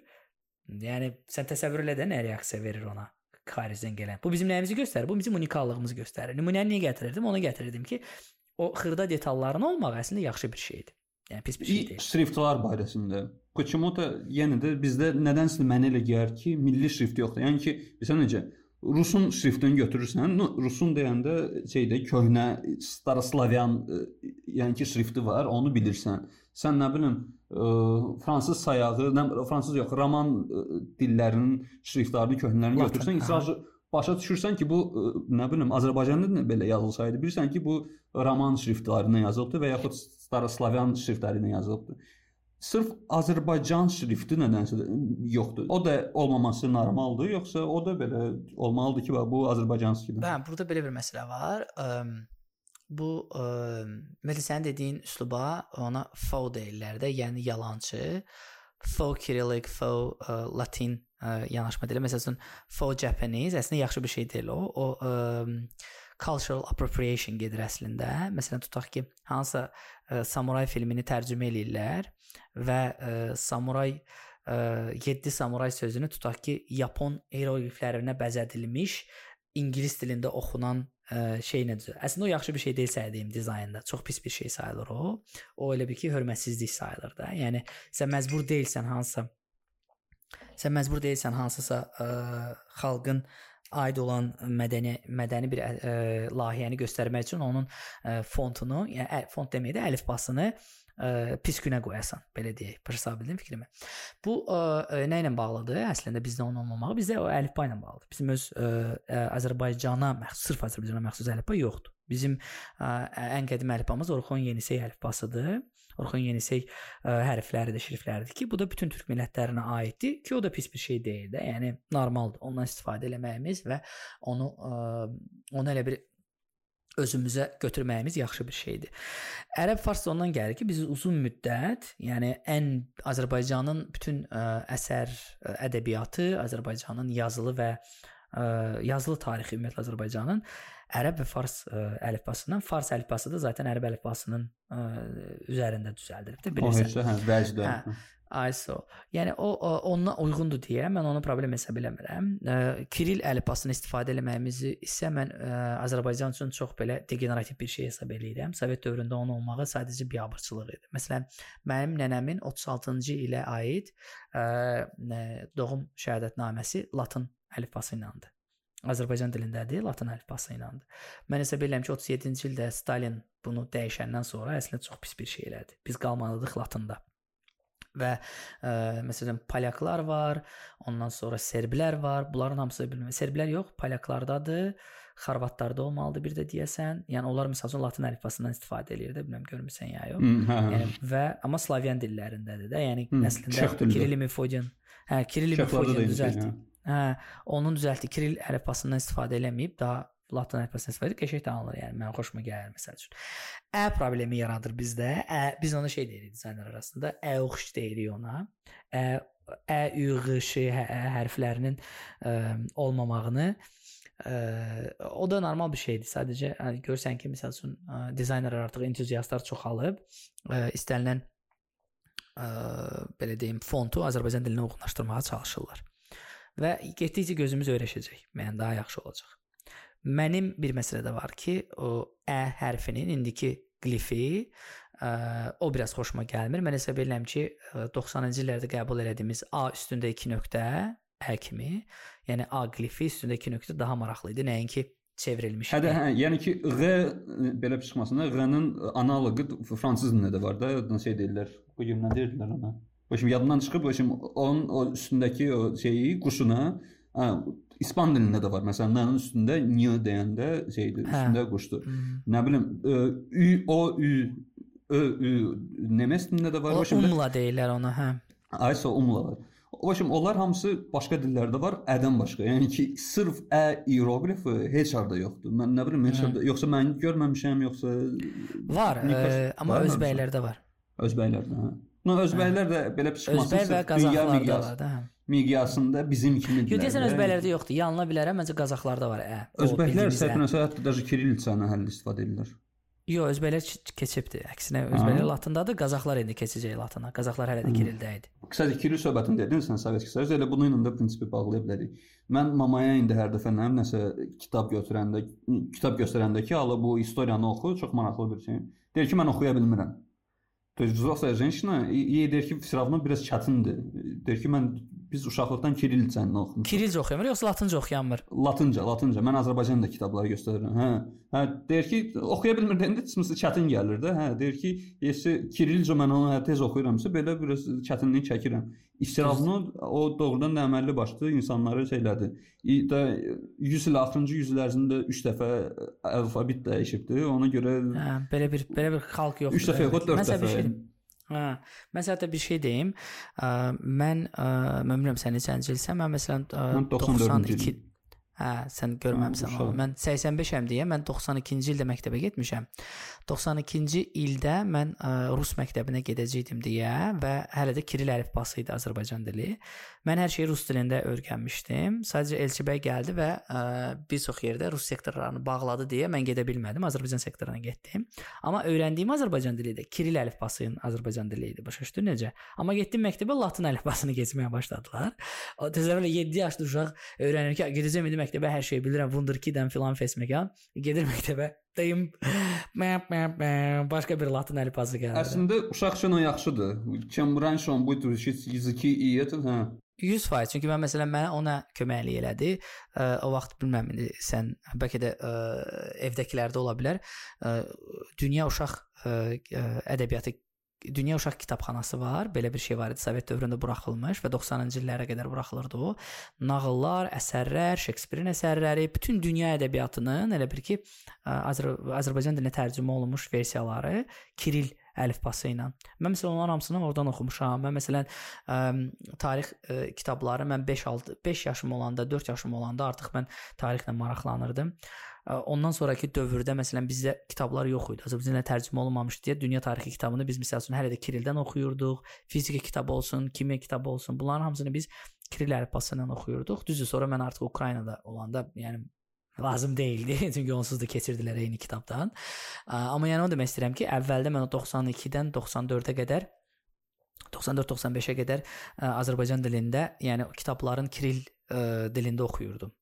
Ona görə ki, kitab çap olunmurdu hələ. Yəni Azərbaycan Latın əlifbasına tərcümə olunmamışdı. O çox interesant, doğrudan çox maraqlıdır. Mən Bakı gələcəkdə bilirsən yəni necə, mən podkastı şey kimi planlamıram.